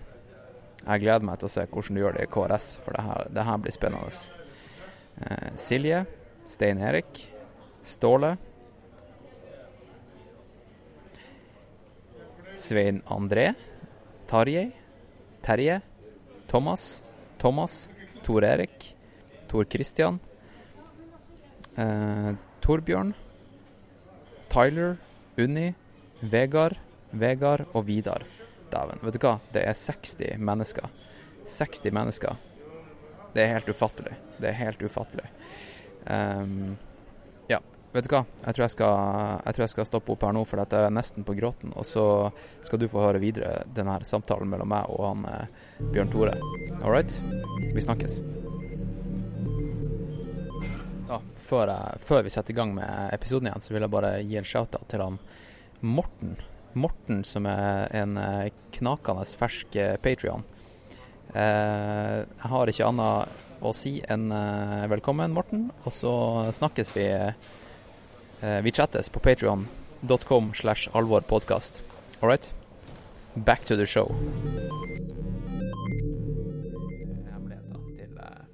Eller hva, hva gjør du for recovery? Hva er liksom, Når du er ferdig med økt én, du har sprunget dagens første økt, som var på et maraton, og så skal du hjem og restituere deg, og så altså til neste Ja. maratonsøkt. Hva, Nei, hva gjør du? Det, det, jeg, det jeg alltid gjør etter jeg har løpt en, uansett om jeg har løpt en lang eller kort økt, er at jeg sitter meg alltid opp på spinningsykkelen min, og så sykler jeg 20 20-30 minutter. Det okay. gjør jeg det gjør jeg, og da har jeg selvfølgelig veldig lite motstand på. Det er om å gjøre å vispe fort. Det skal være motstand på, men du skal ha på en måte rask visp. Ja. Eh, du skal ikke på en måte bygge muskler. Det, dette gjør jeg fordi at jeg eh, da rett og slett sykler ut slagstoffene. Du får ganske mye slagstoff, og, og det er klart aktiv restitusjon vil, vil få de kjappere ut. Ja. Så det er òg et godt tips eh, både til deg og andre å gjøre dette. ja. Aktiv restitusjon er jo kjempe, kjempebra, men noen ganger så kan det også være nice for kroppen å bare ta det helt kulig. Absolutt. Når, når gjør du det? Når hviler du? Når, når fyrer du opp Netflix og bare sier til deg sjøl i dag har jeg gjort nok? Nei, jeg pleier å gjøre det. Jeg gjør faktisk det, det gjør jeg veldig ofte etter jeg har vært på langtur i fjellet. Ja. For da, blir det som oftest den turen der hos en sykkeløkt. Ja. For det at det er såpass, Du er ute i såpass lang tid at det er ikke vits i å gå på en ny økt etterpå. Nei, ikke sant. Sånn altså, har du løpt fem-seks timer i fjellet, hvorfor skal du ta en økt til? Ja, det er ikke vits. Nei, det har, har egentlig ikke noe for seg. I så fall må det være fordi at du har lyst til å løpe beina dine friskere igjen på en, av en eller annen grunn. Sånt. Ja, men da må du tåle det. Tåle det nok til at beina dine kan bli friske av å løpe igjen. Ja, ja, ja. Ja, det er, jo, det er jo noen som sier at det er ingenting som heter recovery-løping. Fordi Nei, uansett tempo så er jo løping eh, pounding for beina. Ja, ja da. Det, det spørs jo Det der jeg tror jeg de lærde strides. Ikke det, det? De, de gjør det, ass. Det det er så mange veier til rom. Ja da. Nei, jeg ikke Men det er klart at eh, onsdagen så er det, er det veldig ofte nok med den eh, langturen i fjellet, pluss 20 minutter på sykkelen. Eh, For jeg, jeg pleier ofte å gjøre de ganske et, rett etter hverandre når jeg kommer ned. Når jeg kommer ned fra fjellet, så er det rett hjem og opp på sykkelen, og så er du ferdig. Ja. Så Har, har du noen, eh, har du noen ernæringsstrategi du sverger til? Både i hverdagen og i race. Hva, hvordan differensierer du det? Hva er liksom din eh, Har du en filosofi, eller? Nei, jeg spiser jo veldig normal mat, egentlig. Altså normalt eh, sånn sett. Men jeg og, Men jeg er veldig opptatt av at eh, når jeg skal spise, spise dyr eller kjøtt eller fisk og alt dette greiene her, så skal det være så rent som mulig. Jeg er ikke så veldig glad i kverna oppkast, hvis vi kan kalle det for det. Nei, det kan vi kalle Vi kan kalle det for det. Så, Ja. så jeg liker bedre at jeg kjøper meg en ordentlig bit på en, en ekte kylling. Ja. OK, så du er ganske normal i kostnader? Ja, jeg er vel egentlig det. Men jeg, jeg, jeg har faktisk den siste, siste måneden nå har jeg faktisk prøvd å spise mye, mye mindre brødmat. Fordi at eh, jeg har vært så ekstremt stiv i kropp, altså i muskulaturen i det siste, at jeg fikk et råd av en av disse som hjelper meg med, med massasje og alt mulig, at eh, prøv å kutte ut hvetemel en liten periode og se om det har noe for seg. Og det, det har det faktisk gjort. Jeg husker jeg var inne der og fikk stretching av disse her på MTT-senteret i Bergen. Og så, så liksom Når du får skikkelig stretching, nå, ikke, den, ikke tøyingen som du gjør sjøl. Når du faktisk blir lagt ned på benk, og de tar foten din, og så skal de strekke forside lår og trykker liksom leggen din så langt ned som overhodet mulig i går. sant? Eh, og da er jeg liksom, når han begynte på meg, så var jeg vel tror det var nesten 50 cm fra, fra den eh, bakside ankelen og helt ned til ræven. Ja. Altså der, der stopper det. og da skjønner du at du er stiv i muskulaturen. Ja, ja, ja. Men eh, i går, for første gang i går etter jeg begynte å gå til han, så fikk jeg eh, hele, altså foten helt ned i ræven. Ja jeg, Så jeg, skulle, jeg, ekstremt mye mykere på en måned, for å si det sånn. jeg skulle likt å si at jeg var imponert over at du fikk eh, hælen i rumpa, men uh, jeg er ikke det, ass. Det, Nei da, det ikke det. Det er ikke mer du trenger å være det, men, men det er jo min egen feil, da, som Ja, har, vært, har vært ekstremt dårlig på det som heter tøying eh, de siste syv-åtte årene. ja, det er egentlig litt rart at du har slurva der, siden det er såpass nøye med alt det andre. Jo da, det er egentlig det, men det, jeg vet ikke hvor, som, hvor man skal, hvem man skal, skal jeg, vet ikke, jeg har ikke lyst til å gi skyld til noe. Det er jo egentlig min egen skyld. Men så har, har jeg heller ikke fått noen sånne beinharde krav av trenerne til Maud Høie. Nei, sant. Der er det også eh, at de liksom, ekspertene eh, ikke er enige, ikke sant. Men det Jo da, altså, men sånn som at min trener er jo litt der òg. Har, du- har du noen gang sett en gamp tøye?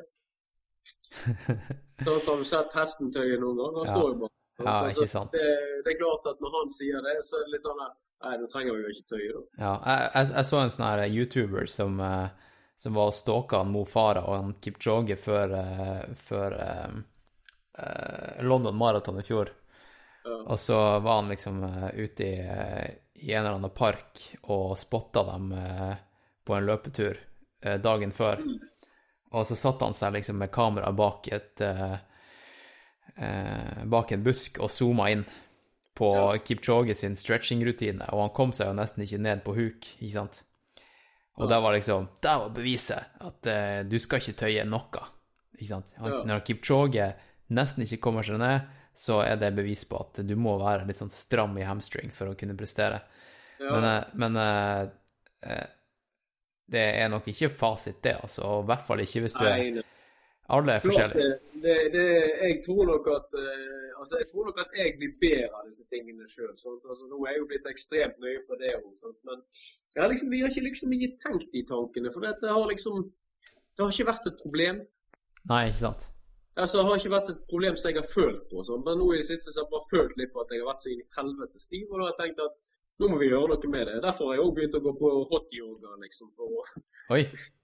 Har, Og, det, og, det er, og hot-yoga, det er, det er undervurderte saker, altså. ja, det, jeg har hørt flere snakke varmt om, varmt om det. Ja da. eh, Var, varmt er det. ja, ja. Men det, hvor, mange, hvor lenge har du gjort det nå? Nei, hot-yoga har jeg vel òg gjort eh, nesten en måned. Ikke fullt en Ja. måned.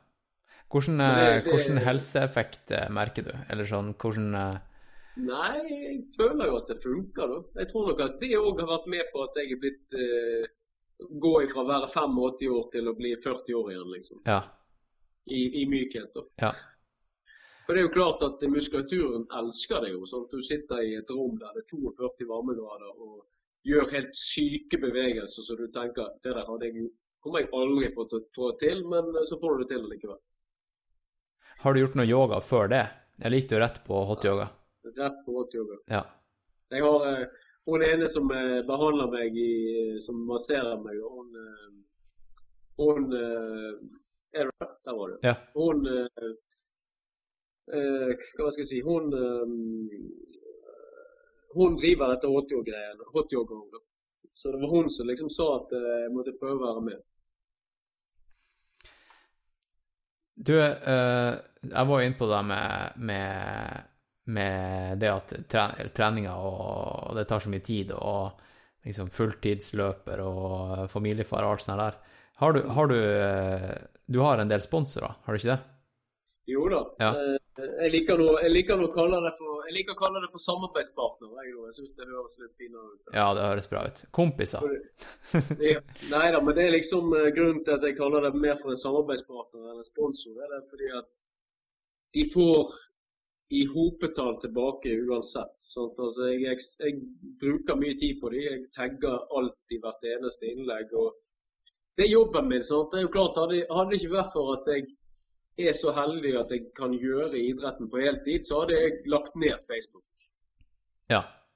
Og jeg hadde lagt ned Instagram. Da hadde jeg eh, Det tar tid, men når du så, holder på sånn som jeg gjør, så må du faktisk eh, gjøre det.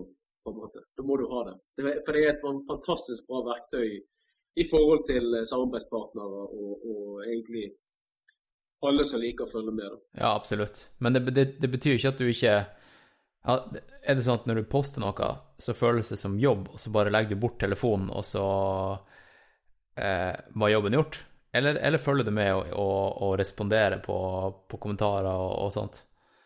Jeg føler jo ikke meg konstant, men jeg går jo inn av og til for å svare hvis folk har spurt om ting og Ja. liker alle de tingene der. Det er jo, altså det er en, det er jo kjekt, det er jo gøy for all del, men det er liksom Ja, det hører jo til jobben. Ja. Nå, er, nå gjør jo jeg dette på heltid, sant? og jeg, jeg føler meg jo veldig privilegert som kan gjøre det på heltid. Men, eh, og kan, kan kalle seg for profesjonell utøver. Det er jo det er jo ikke alle som kan det. Nei, det er ganske fett, altså. Så, så jeg, jeg, jeg liker, det er ikke noe klaging. Nei, nei. at, jeg syns det, det er veldig kjekt å følge med på hva alle andre får til òg, både Instagram og Facebook. Uh, og, og har jo eh, Jeg følger, jeg følger veldig mange sjøl, og jeg har veldig mange venner. Og det er klart at det er veldig kjekt å kunne følge med på, eh, på hva andre gjør. Er du på Strava? Uh, Strava har jeg, er jeg vel egentlig ikke inne på, nei. For Nei. Noe, noe må jo være hemmelig. Noe må være hemmelig. Du kan ikke åpne deg helt opp. Nei, i Nei. hvert fall ikke for, eh, ikke for de mest ivrige konkurrentene som eh, hele tiden fisker eh, etter godsaken. Nei, sant. Og de ivrigste konkurrentene, de hører ikke på noe det alvor, for de er ikke norske. Nei. Nei. Så da kan du bare røpe dine hemmeligheter her. Nei, Nei. jo da, jeg har Ikke ikke spis brød, hot yoga og stretching, og spring 250 km i uka. Ja da, men, ja, men det er viktig det, altså det, det, det, er veldig viktig med Sånn som jeg sa i sted òg, at, at du har kontinuitet i treningen din. Altså, Ja. det må være, Hvis ikke kontinuiteten er der, så blir det ikke bra uansett. Hvis du driver med sånn lapskaustrening, så, så er det klart at eh, Ja, jeg, jeg, jeg, jeg klarer iallfall ikke å fungere ordentlig hvis jeg skal ha lapskaustrening. Definer lapskaustrening. Er det bare sånn her ut døra og løpe en tur? Ja, det òg, men òg at du plutselig tar fri i to dager, og så løper du igjen. Ja, sånn, ja. ja. Eh, altså Det må være kontinuitet i arbeidet. Det må være en gjennomtenkt plan på det du gjør, føler jeg. Altså Når jeg òg har det som jobben, så er det klart at det er, alt er jo planlagt eh, på en måte så godt som det går an å gjøre. ja. Og, og ikke bare det, men, men vi er jo opptatt av å trene både fart og mengde. Sant? Så det jo, Jeg har jo intervalltrening både tirsdag, eh, torsdag og lørdag. Og, og så er det jo eh, mengdesanking og rolige løpeturer og resten. Sant? Og det er jo klart at Mesteparten det er jo mengde og rolig. ja for du, du kjører den typiske 80-20 %-regelen cirka? Ja, cirka. Sant? Og så er det jo eh, Noen ganger så bare kommer det noen konkurranser ved siden av, og da blir det jo mer. Men, eh, men det er jo helt naturlig. Hvor, eh, hvor eh, detaljert er den planen her din, eh, din? Er det sånn at du vet hva du skal gjøre neste torsdag? Jeg vet hva jeg skal gjøre ca. dagen før. Ja. Ja. Så jeg, får, jeg vet Altså, jeg har en trener som gir meg Ja, så hvis jeg har hatt en intervalløkt og han syns at jeg skal ha en til dagen etterpå, så vet jo ikke jeg det før, før jeg har sendt det jeg har gjort til han. for å si det sånn. Nei, OK. Men det, egentlig syns jeg det er litt gøy, fordi at um, da gir du egentlig alt du har også på, alle, på intervalløktene òg, selv om du plutselig får en ny dagen etterpå. Ja, ikke sant. Da, ja, Det er et godt poeng. Da vet du liksom ikke at eh, Du går ikke og sparer deg på noe. Nei, ikke sant. Hvem er treneren din? Du sa det vel kanskje i stad, men uh, det, hvem er han? Jan Fjærestad heter han. Ja, hvem, hvem er det? Nei, han har jo vært eh, Han har vært en av Norges desidert beste langdistanseløpere. Han har jo eh, løpt eh, alt fra 800 meter opp til maraton. Han har maratonpass på 2.13.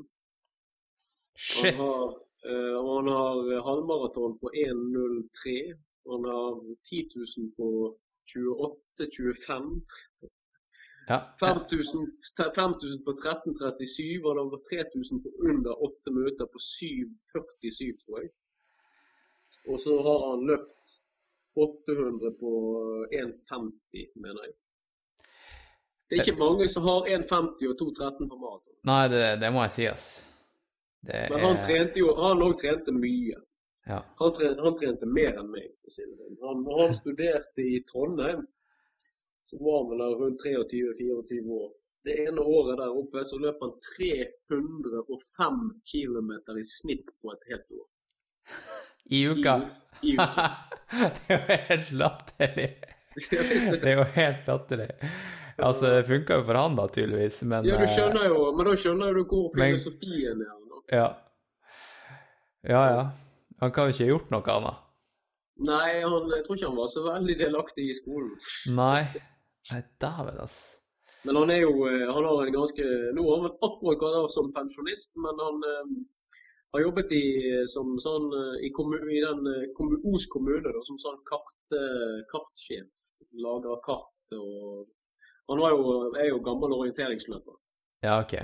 Han, har jo, eh, han, har, han er den eneste i hele verden som har VM-sølv i, i seniororientering. Altså et VM-sølv som senior, men som juniorløper. Oi. Han var juniorløper, så tok han VM seniorsølv individuelt. Dæven. Det er ganske artig. Så om mannen kunne løpe, det var helt sikkert. Når du løper 13,37 på 5 km, så er du ganske god. Du, du er jo også coach, er du ikke det? Ja da. Jeg kjenner jo uh, hun eh, ene du coacher, hun Ingrid, Ja. som også har vært på podkasten. Um, hvordan er coachtilværelsen? nei, jeg, jeg det, gir, det gir i hvert fall meg veldig mye. Så det er jo noe jeg kommer til å fortsette med når jeg eh, legger eh, på en måte satsingsskoene mine på hyllen. Det å løpe kommer jeg nok aldri til å slutte med, men eh, en eller annen dag så må man jo på en måte tenke at yes, nå, vi, nå gir vi oss med denne proffsatsingen. på en måte. Ja. Men eh, nei, jeg syns det gir meg egentlig veldig mye å trene andre. og eh, hun eh, Ingrid har jo et, har et kjempetalent um, i, i tillegg. altså Hun har et treningstalent, men samtidig et talent for å løpe ultraløp. Jeg er ganske sikker på at hvis hun gjør det hun får beskjed på å gjøre, så um, kommer hun til å bli den neste Neste Ultrakongen. Neste, ja, i hvert fall neste, neste store på 24 timer her i Norge. Ja, det tror jeg også. Altså. Hun har jo i hvert fall en, en, en crazy eh, driv. Ja, og ikke bare det, men hun, hun, hun debuterte med 209,7 km i sitt første 24-timersløp. Hun Mm. også er jo Det er ganske sterkt. Å ha løpt 209,7 i debuten din. Du mangler 300 meter på å komme til VM, som jeg syns var litt latterlig at ikke hun fikk plass. Men Var, jeg- var, det, var det en sånn magisk grense, eller var det bare at ultraløpsutvalget grensen, grensen er 210, og hun hadde 209,7. Men det er klart at hvis grensen er så streng, og da må de jo faktisk eh, da må de faktisk opprettholde strengheten og lingen hele veien. Eh, Ja. Ja. Syns jeg. Ja. Ja. Sant? Eller så eh, I dette tilfellet så må det gå an å ta ut på kjønn. ja, ikke sant. Jeg er litt enig i det, altså. Men, men uansett, hun eh, Jeg tror vi kommer til å se bra resultat fra den damen der i, i år. Det er jeg helt, helt eh, sikker på. Hun skal vel løpe Thames, eh, Thamesen eh, Ring nå i, eh, i mai, ikke det den er? Jo. Det er jo 100 miles borti Thamesen. Ja, ikke sant. Ja, det blir Og- spennende. Og hun løp jo jækla bra på et løp der i fjor. Ja. Så Nei, det blir spennende å se hva hun får til. Hun er sterk. Hun har det også- hun har det òg i hodet, så det jeg tror, jeg tror vi kan forvente mye fra henne etter hvert. Ja, det tror jeg også. Uh, du, skal vi, skal vi begynne å runde av, eller? Det begynner jo faktisk Ja. å bli litt sånn seint. Det begynner å bli sånn uh, Klokka er jo over halv elleve. Det er han, Ja, vi har snakket lenge, vi. Vi har snakka lenge, og du vet jo at søvn er jo best i recovery. Visst er det det. Har du noen søvnstrategi? Har du noe sånn her eh, hva, hva du gjør når du skal legge deg? Hva er rutiner? Både når du legger deg, og når du står opp. Hva er Nei, jeg sovner nå egentlig ganske lett. Jeg har, ikke, jeg har vel aldri hatt noe problem med å sovne når jeg, når jeg, når jeg legger meg ned. Jeg, så tror ikke det tar så veldig lang tid før jeg sovner. Det er ikke sånn at jeg må ligge og se på en bok eller Jeg ser i hvert fall aldri på telefonen, pga. at det er jo ikke det smarteste å gjøre rett før du skal legge deg pga. skjermlyset. Så den er, nok, den er i hvert fall plassert godt vekk. Ja, jeg, jeg bruker å skru den helt av, eller ta på airplane mode. Ja. Eh, og så legger jeg den siden jeg bor i en sånn studioleilighet, så kan jeg på en måte ikke få den ut av syne, nesten. Nei. Legger den inn, eh, inne på kjøkkenet rundt hjørnet. Jeg tar den helt på, helt på lydløs, og så snur jeg den opp ned, sånn at jeg ikke har kjangs til å se om det blinker. Ja. Alle de følgerne dine på Instagram kan bare ta seg en bolle mens du er og sover. ja. Ja. De kan ta seg en bolle. Ja da, det, det er mange som kan ta seg en bolle. Det er ikke bare der det plinger inn. Det plinger inn veier. Hvem, hvem skal ta seg en bolle? Skal vi, skal vi oute noen? Mm, nei, du må være snill. Du må være snill. Nei, hvem som, skal ta seg en bolle? Nei, jeg, jeg har egentlig ingen jeg har lyst til å si skal ta seg en bolle. Det må være Donald Trump i så fall. ja, ok. Nei, men det, det er bra. Det er bra. Han er nå en god løkhull. Det det er lov å si at han skal ta seg en bolle. Ja. Hva med morgenen, da? Hvordan er morgenen for deg når, du, når alarmen går og, og du skal opp på morgenen? Du, for det første, hva du tenker på, og hva er ritualet ditt? Nei, eh, jeg står opp for å egentlig hjelpe til med å få minstejenten på skolen. Selvfølgelig lage nistepakke, sette på kaffe. Jeg drikker kaffe, det gjør sikkert du òg. Ja, jeg gjør det. Så kaffe er jo viktig til frokost. Det er det. Det er essensielt. Alltid, alltid kaffe til frokost. Og jeg spiser veldig ofte kanskje egg eller, eller havre. Altså noe som er litt, litt eh, krutt i. Ja. Og egg er jo bra. Egg er bra. Det er mange som sier at det ikke er bra, men de òg kan godt ta seg en bolle. De kan ta seg en bolle, ja. Hvordan tilbereder du Eh, egget? for- Koker du det? Steker du det? Nei, enten så koker det, eller så tar jeg scrambled eggs. Ja. Altså som eggerøre. da. Ja, ja. ja. Så nei da. Det er, jeg, ja, så spiser jeg noe frokost, slapper av litt, og så er det ute og bevege ræven. Ute og springe maraton? Ja. Ut og løpe en maraton, ja. ja. Gjør du noen stretching-rutiner? Ja. Eller seks mil, da. Gjør, uh, gjør du noen øvelser før du går ut døra? Eller, tar, eller Nei, bare hender- springer du deg litt inn i, i varmen? Ja, det, det hender jo av og til at jeg faktisk eh, sykler kanskje altså på spinningsykkel 20-30 minutter før jeg faktisk løper. Det hender av og til hvis jeg føler at eh, det, det hadde vært deilig å gjort noe før jeg skal ut og løpe. Ja, fordi er det mange dager der du våkner opp og det bare knaker i kroppen, og du må liksom virkelig tenke sånn her Faen, nå, Bjørn Tore, nå I dag blir det hardt, men jeg skal faen meg gjøre jobben åkke Ja, sånn. jo, jo da, det er klart at sånne dager kommer, men, men det er klart at når du har når du har et mål Jeg har et mål eh, som motiverer meg hver eneste dag. Eh, og målet mitt har jeg òg nå fått på min nye bil. Jeg har fått meg ny bil, for den gamle den er nok blitt spiker. Du, jeg så det på Instagram. Jeg var inne, jeg, jeg var inne på Instagrammen din i stad, for, for research, og så så jeg bilen. Ja, ja, var ikke det fett? Det var fett. Skal, vi, skal jeg ta opp eh, Eller du husker sikkert hva det står der? Hva, hva, hva det står der? Kan du bare si det? Det står at eh, jeg skal bli verdensmester en gang. Så enkelt er det. Så enkelt er det faktisk. Mm. Ja. Du blir Og den setningen der, den husker jeg at jeg sa til BA. Det var vel i Jeg tror det var på, i et intervju i 2014 eller 2015. Og da husker jeg at han brukte det som en sånn Ikke som overskrift, men som en av disse her i hermetegn som de har. Jeg vet ikke hva de kaller det for engang. Når, eh, når en avis gjentar noe du har sagt, og så står det i hermetegn med litt større skrift. Ja, det er vel en sånn typisk eh, block-quote, som jeg liker Ja. å kalle det. Ja. Ja, så den, når han, den quoten kom opp, for jeg, han skrev det akkurat sånn som jeg sa det, så tenkte jeg det der skal jeg faen ha på bilen min. Ja. Og, og det har jeg hatt på bilen siden den gang. Og, og nå har jeg fått det på den nye òg. Og det er klart at det er, det er noe som jeg ser hver dag. Og det er mitt mål. Det er ingen andre sitt mål, det er mitt mål. Og jeg jeg er bygd på den måten at uh, hvis ikke jeg tør å si at jeg skal bli verdensmester, så kommer jeg aldri til å bli det heller. Og mm, ja, rett og slett. Du, hvorfor skal du bli verdensmester? Hvor det, hvor det kommer fra det der? Nei, jeg har, har, det hadde vært ekstremt Jeg har veldig lyst å på en måte eh, klare Altså å, å ta en VM-tittel, da. Eh, og, og ha gjort det en gang.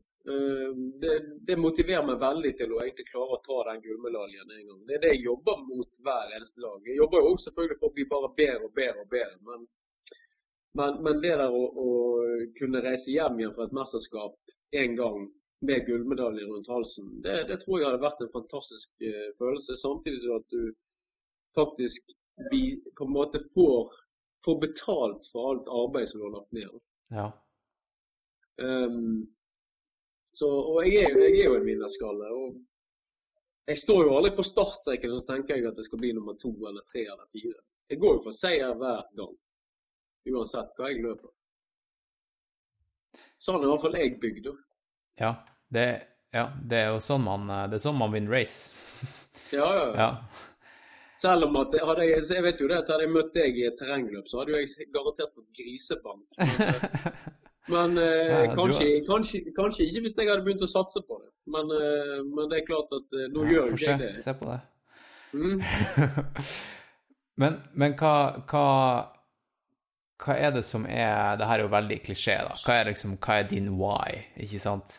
Ehm, du har gått fra Du gikk fra å være overvektig til å finne liksom ha lyst til å perse, eh, til, å, til å springe langt, eh, og du skulle bli verdensmester. Men, men sånn virkelig sånn fundamentalt eh, Når du er ferdig med karrieren din, hvorfor gjorde du alt det her? Hva du tror, hva du tror liksom du sitter igjen med etterpå? Hva, hva, altså, når, jeg, når jeg på en måte har klart drømmen Ja, hvorfor gjorde du det? Hvorfor klarte du det, og liksom, hva var det oppi hodet ditt som drev deg til å gjøre det? Ja, men det, det er et godt spørsmål. Det, Ja, det, det er et veldig vanskelig spørsmål også. Det, det, er ikke, det er ikke så mange som egentlig har et ordentlig bra svar på det. For det sitter jo Jeg har ikke noe godt svar på det, men eh, det eneste er vel det at jeg eh, Jeg har, har en enorm tro Uh, på en måte at eh, dette kan jeg klare. Og det er liksom det òg at jeg, Det handler jo litt om klaff òg, sant. Altså, nå er jo jeg blant de ti beste i verden i 24-timersløp. Ja. Det har jeg bevist de siste årene at jeg er liksom der oppe. Men, og det er så enkelt òg at hvis den dagen jeg har 100% klaff, det har jeg egentlig ikke hatt ennå. Jeg hadde jævlig god klaff på, på verdensrekorden. Jeg satte den på, på tredemølle der med 264,52 km. Men, men, men det er klart, hvis jeg klarer å ha den klaffen som jeg hadde der i et VM, eh, da blir det gull. Ja, er ikke det utrolig digg å vite? At hvis bare det, det er en fantastisk følelse å vite at hvis jeg klarer å ha klaff den dagen VM er, da blir det gull. Ja. Det hjelper jo selvfølgelig ikke å ha klart dagen før eller dagen etter. Du må ha det den dagen. Nei, nei, ikke sant. Og det er jo enkelt å Ikke enkelt, men det, det er enklere å, å, å skape det her klaffet hjemme på tredemølla, ikke sant? Eh, men Mm. Ja, når du må reise ut, ut til, eh, til Frankrike, liksom, og måtte prestere på én dato der du ikke har kontroll på noe av eh, liksom, reisearrangementet, race ikke sant? Eh, ja, det skal, det skal litt mer til der, men uh, dæven, hvor kult at uh, Jeg ser jo det på deg. Du har jo, det er ikke bare noe du sier. Det her, det her, vil, det her klarer du. Ja da. Ja. Det, det er jo det som er målet. og Det er klart at uh, den dagen det skjer, så eh, Da blir jeg iallfall en veldig glad mann. Uh, altså det, det blir Jeg var en ekstremt rørt og glad mann når jeg satt verdensrekorden på Guinness eh, på den tredemøllen. For det, det, var, det var faktisk ganske sykt, og det var ganske stort. Det er ganske vilt å tenke på at det var 40 forskjellige land innom den streamingen til, til BA. Ikke bare var det 40 land innom, men det var òg det er òg norsk streamingrekord i Altså, det, det er ingen andre arrangement som er blitt streamet mer enn det arrangementet. Ikke engang noe sånn eh, gaming-greie på Twitch. Nei. Det er det mest streamede arrangementet noensinne. Ja. Det vi snakker flere millioner som var innom i løpet av de 24 timene. Det, det slår uh, streaminga som jeg har gående på jobb nå, der vi streamer en 3D-print. Ja. Jeg tror, det, Nei, det var- jeg tror det faktisk var- det er ingen som ser på noe. Jeg streamer en, eh, en, eh, en blomsterpotte som er sånn selvvannende oh, ja. blomsterpotte. Men det Kul. Ja. Jeg er heldig så det er en tilfeldig som dukker som popper innom. Men, eh, men du hadde altså flere millioner. Det er jo dritfett. Ja visst er det fett. Ja. det som er så sykt, vet du, det er jo det at i, i Bergen så bor det vel er det 340 000 mennesker eller noe sånt. Det var ett punkt og vet du, Når du leser ut streamingen sånn som BA gjør det, så kan de se hvor det blir streamet fra. Noenlunde sånn cirka. Det var ett punkt, og det var jo selvfølgelig når Kygo løp ved siden av meg. ja. Da var det over Det var 245 000 stykker inne på streamingen bare fra Bergen. Å, dæven. Samtidig. Ja. Det er sykt, det. Og da skriver jo BA i overskriften Nå koker det i Bergen. Men eh, eh, den der energien du drar fra å, å hente fra menneskene som ser på deg, eh, og alle som følger med og sånn der, det syns jeg er veldig spennende. Den der eh, å, å, å ta momentet til mennesker ut i, i beina dine og springe fort. Klart det. Eh, Det, jeg, jeg, har, jeg har tenkt mye på det i det siste, fordi at det er jo en del av denne, denne opplegget jeg har kjørt med, med T-skjorte her. Jeg vet ikke om du har sett det, men på ryggen her så har jeg bilde av eh, nesten alle som støtter meg på Patrion, som er den betalingsløsninga. Ryggen er full av ansikter. Uh, og konseptet mitt da er jo at det, det skal ikke bare være sånn at du kan kjøpe deg inn på T-skjorta, men jeg, jeg vil bruke den positive energien til folk som støtter meg og podkasten uh, gjennom fjellet, ikke sant? Uh, fordi fotballspillere har jo liksom 60 000 mennesker på tribunen som heier på deg, ja, og de drar energi av dem, mens vi ofte så er vi liksom helt alene. ja, Og hvis jeg da kan ha liksom jeg, vet, jeg husker ikke hvor mange jeg har på ryggen nå, men over 50 som bare smiler og er glad med meg, eh, så bruker jeg det som doping, da. Ja, ja, selvfølgelig. Men det er jo sånn som når jeg løp dette løpet her på Møllen òg. Å vite at det er greit at det er mange som ser på deg, det tenkte jeg egentlig veldig lite på. Men det var jo Det skjedde jo noe inni dette store rommet hele tiden. sant? Og siste timene så var det jo 350 mennesker inni selve rommet live og lagde et sinnssykt løveleven. Det var så høyt og syk stemning at altså, da reiste hårene seg alle plasser. Da var ikke det bare inni der for det. Men det var liksom Og i hvert fall når du liksom løper der, og så plutselig så er det sånn nedtelling. Du hører sånn syk lyd. Jeg har lagt ut et klipp på Instagram. Du kan egentlig gå inn og høre det sjøl. Du hører sånn der oming. Sånn der så stemning i luften. For da er det folk som liksom sånn Nå er det ti sekunder til verdensrekorden blir satt. Og du hører bare den der lyden ifra de. Sånn der En stadion som bare hyler ut. Så Ja. plutselig så, så, så setter jeg den verdensrekorden. Armene går i luften. Jeg får en gullhatt. Og og de fyrer i gang 'Run, motherfucker, run' til han svensken. Sånn at han må uh, know me borti det. Og det. Jeg hørte jo mye på den sangen. Den tror jeg, ble, jeg tror den ble sikkert, Han må jo tjent penger den kvelden. For jeg tror vi spilte jo den sikkert 50 ganger på Spotify. Han tjente kanskje ei krone, da. Ja. Helt sykt, vet du. Så, Ja, kan, du, kan du sammenligne det med en, eh, en live-performance med bandet ditt? Hva sier du? Kan du sammenligne det med en eh, live, eh, en konsert du har hatt med bandet, eller? Er det, er det Ja, ja, ja, ja absolutt. Det, det er jo sånn når du spiller trommer eller spiller et band. Hvis du klarer å bevege menneskene som du opptrer for, så er det klart at da får du dobbel energi tilbake. Og den følelsen hadde jo jeg på Møllen der. Når jeg så alle de rundt meg eh, som hadde lagt ned en innsats både for at vi skulle få til dette forsøket, som hadde stått på hodet i Ja, jeg vet ikke. Hun ene damen hun sto vel på hodet i tre uker i strekk før dette greiene. Hun sydde en gullkappe til meg. Det var ikke måte på hva den damen gjorde. Eh, og, og han Ulf som liksom bare Ja, jeg vet ikke. De ordner alt. Det var ingenting som var til tilfeldighetene. Og, og du ser hvor rørt de òg blir når verdensrekorden er et faktum. Jeg sa jo til dem før vi begynte. Ikke tenk på meg, ikke vær bekymra. Jeg kommer til å ta den rekorden. Jeg hadde den følelsen på meg før løpet at dette her, Bjørn Tore, det kommer du til å klare. Eh, For det at Ja. Du kommer til å klare det. Og da gjorde jeg det. Og det, det, alt handler jo om gjennomføringskraft. Som er det store stikkordet. Ja. I, mine, i min tankeverden. ja. Skal vi Og, men det var en syk følelse. Det er det sykeste jeg har gjort hittil noensinne. Det, det toppa karrieren din. Det toppa, ja, toppa egentlig livet ditt, nesten. Eh, Ja, hvert et, fall- i etter å ha fått kids. I hvert fall hit, hittil. Og det er jo eh, det er jo kult å ha fått eh, Det er jo kult å ha en Guinness World Record. Det er kult å ha diplomen fra Guinness som en, det er en ordentlig sinnssyk diplom. Med, med til og med partur på 2,5 cm. Det er liksom ikke noe kødd, liksom. Til og med rammen har de jo gjort ordentlig. Det er helt sykt. Shit, ass. Så Nei, det er, det er gøy. Det er veldig gøy. Har du noe, har du noe Se for deg at lytteren nå er ute på stien eller på asfalten eller gjør, er ute og springer og hører på. Har du noe Har du noe vise ord til dem?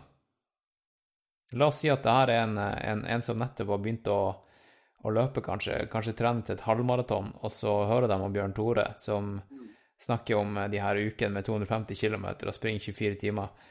Eh, har, du no, har du noen tips til dem? For du har jo vært der.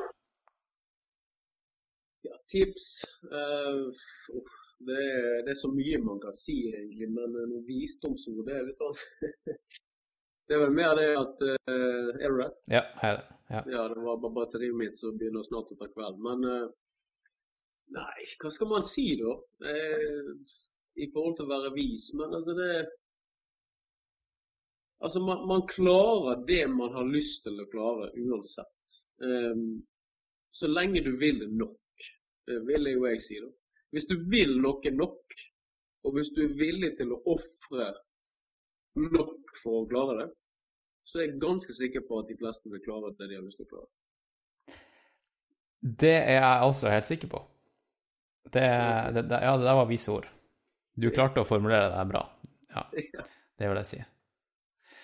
Skal vi, skal vi si at det var dagens siste vise ord, eller? Det Ja. høres bra ut. Så får vi sende de inn i rockens verden. Ja, ja dæven, det var det, ja. Skal vi eh, Ja, det, det gjør vi akkurat nå, så bare fader jeg ut den samtalen her. Eh, vi kan smalltalke litt, og så bare eh, fader jeg inn den sangen her nå. Mm. Og så, så sier vi det sånn. Da avslutter vi her nå. Eh, du vet hva jeg bruker å si? Jeg bruker å si over og ut, Roger og Knut. Og der var, der var episoden ferdig.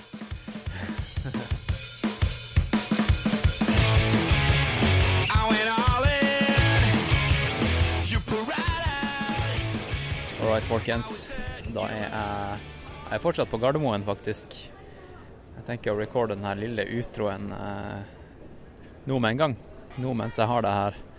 Eh, denne utroen her blir ikke lang, fordi jeg må sette meg på flyet straks. Jeg ville bare egentlig si takk for at du hørte på dagens podkast. jeg setter veldig pris på at du faktisk eh, hører på, og at du kanskje til og med legge igjen en review i iTunes. Fordi eh, det er det som hjelper, at, eh, hjelper på at podkasten kommer opp og fram.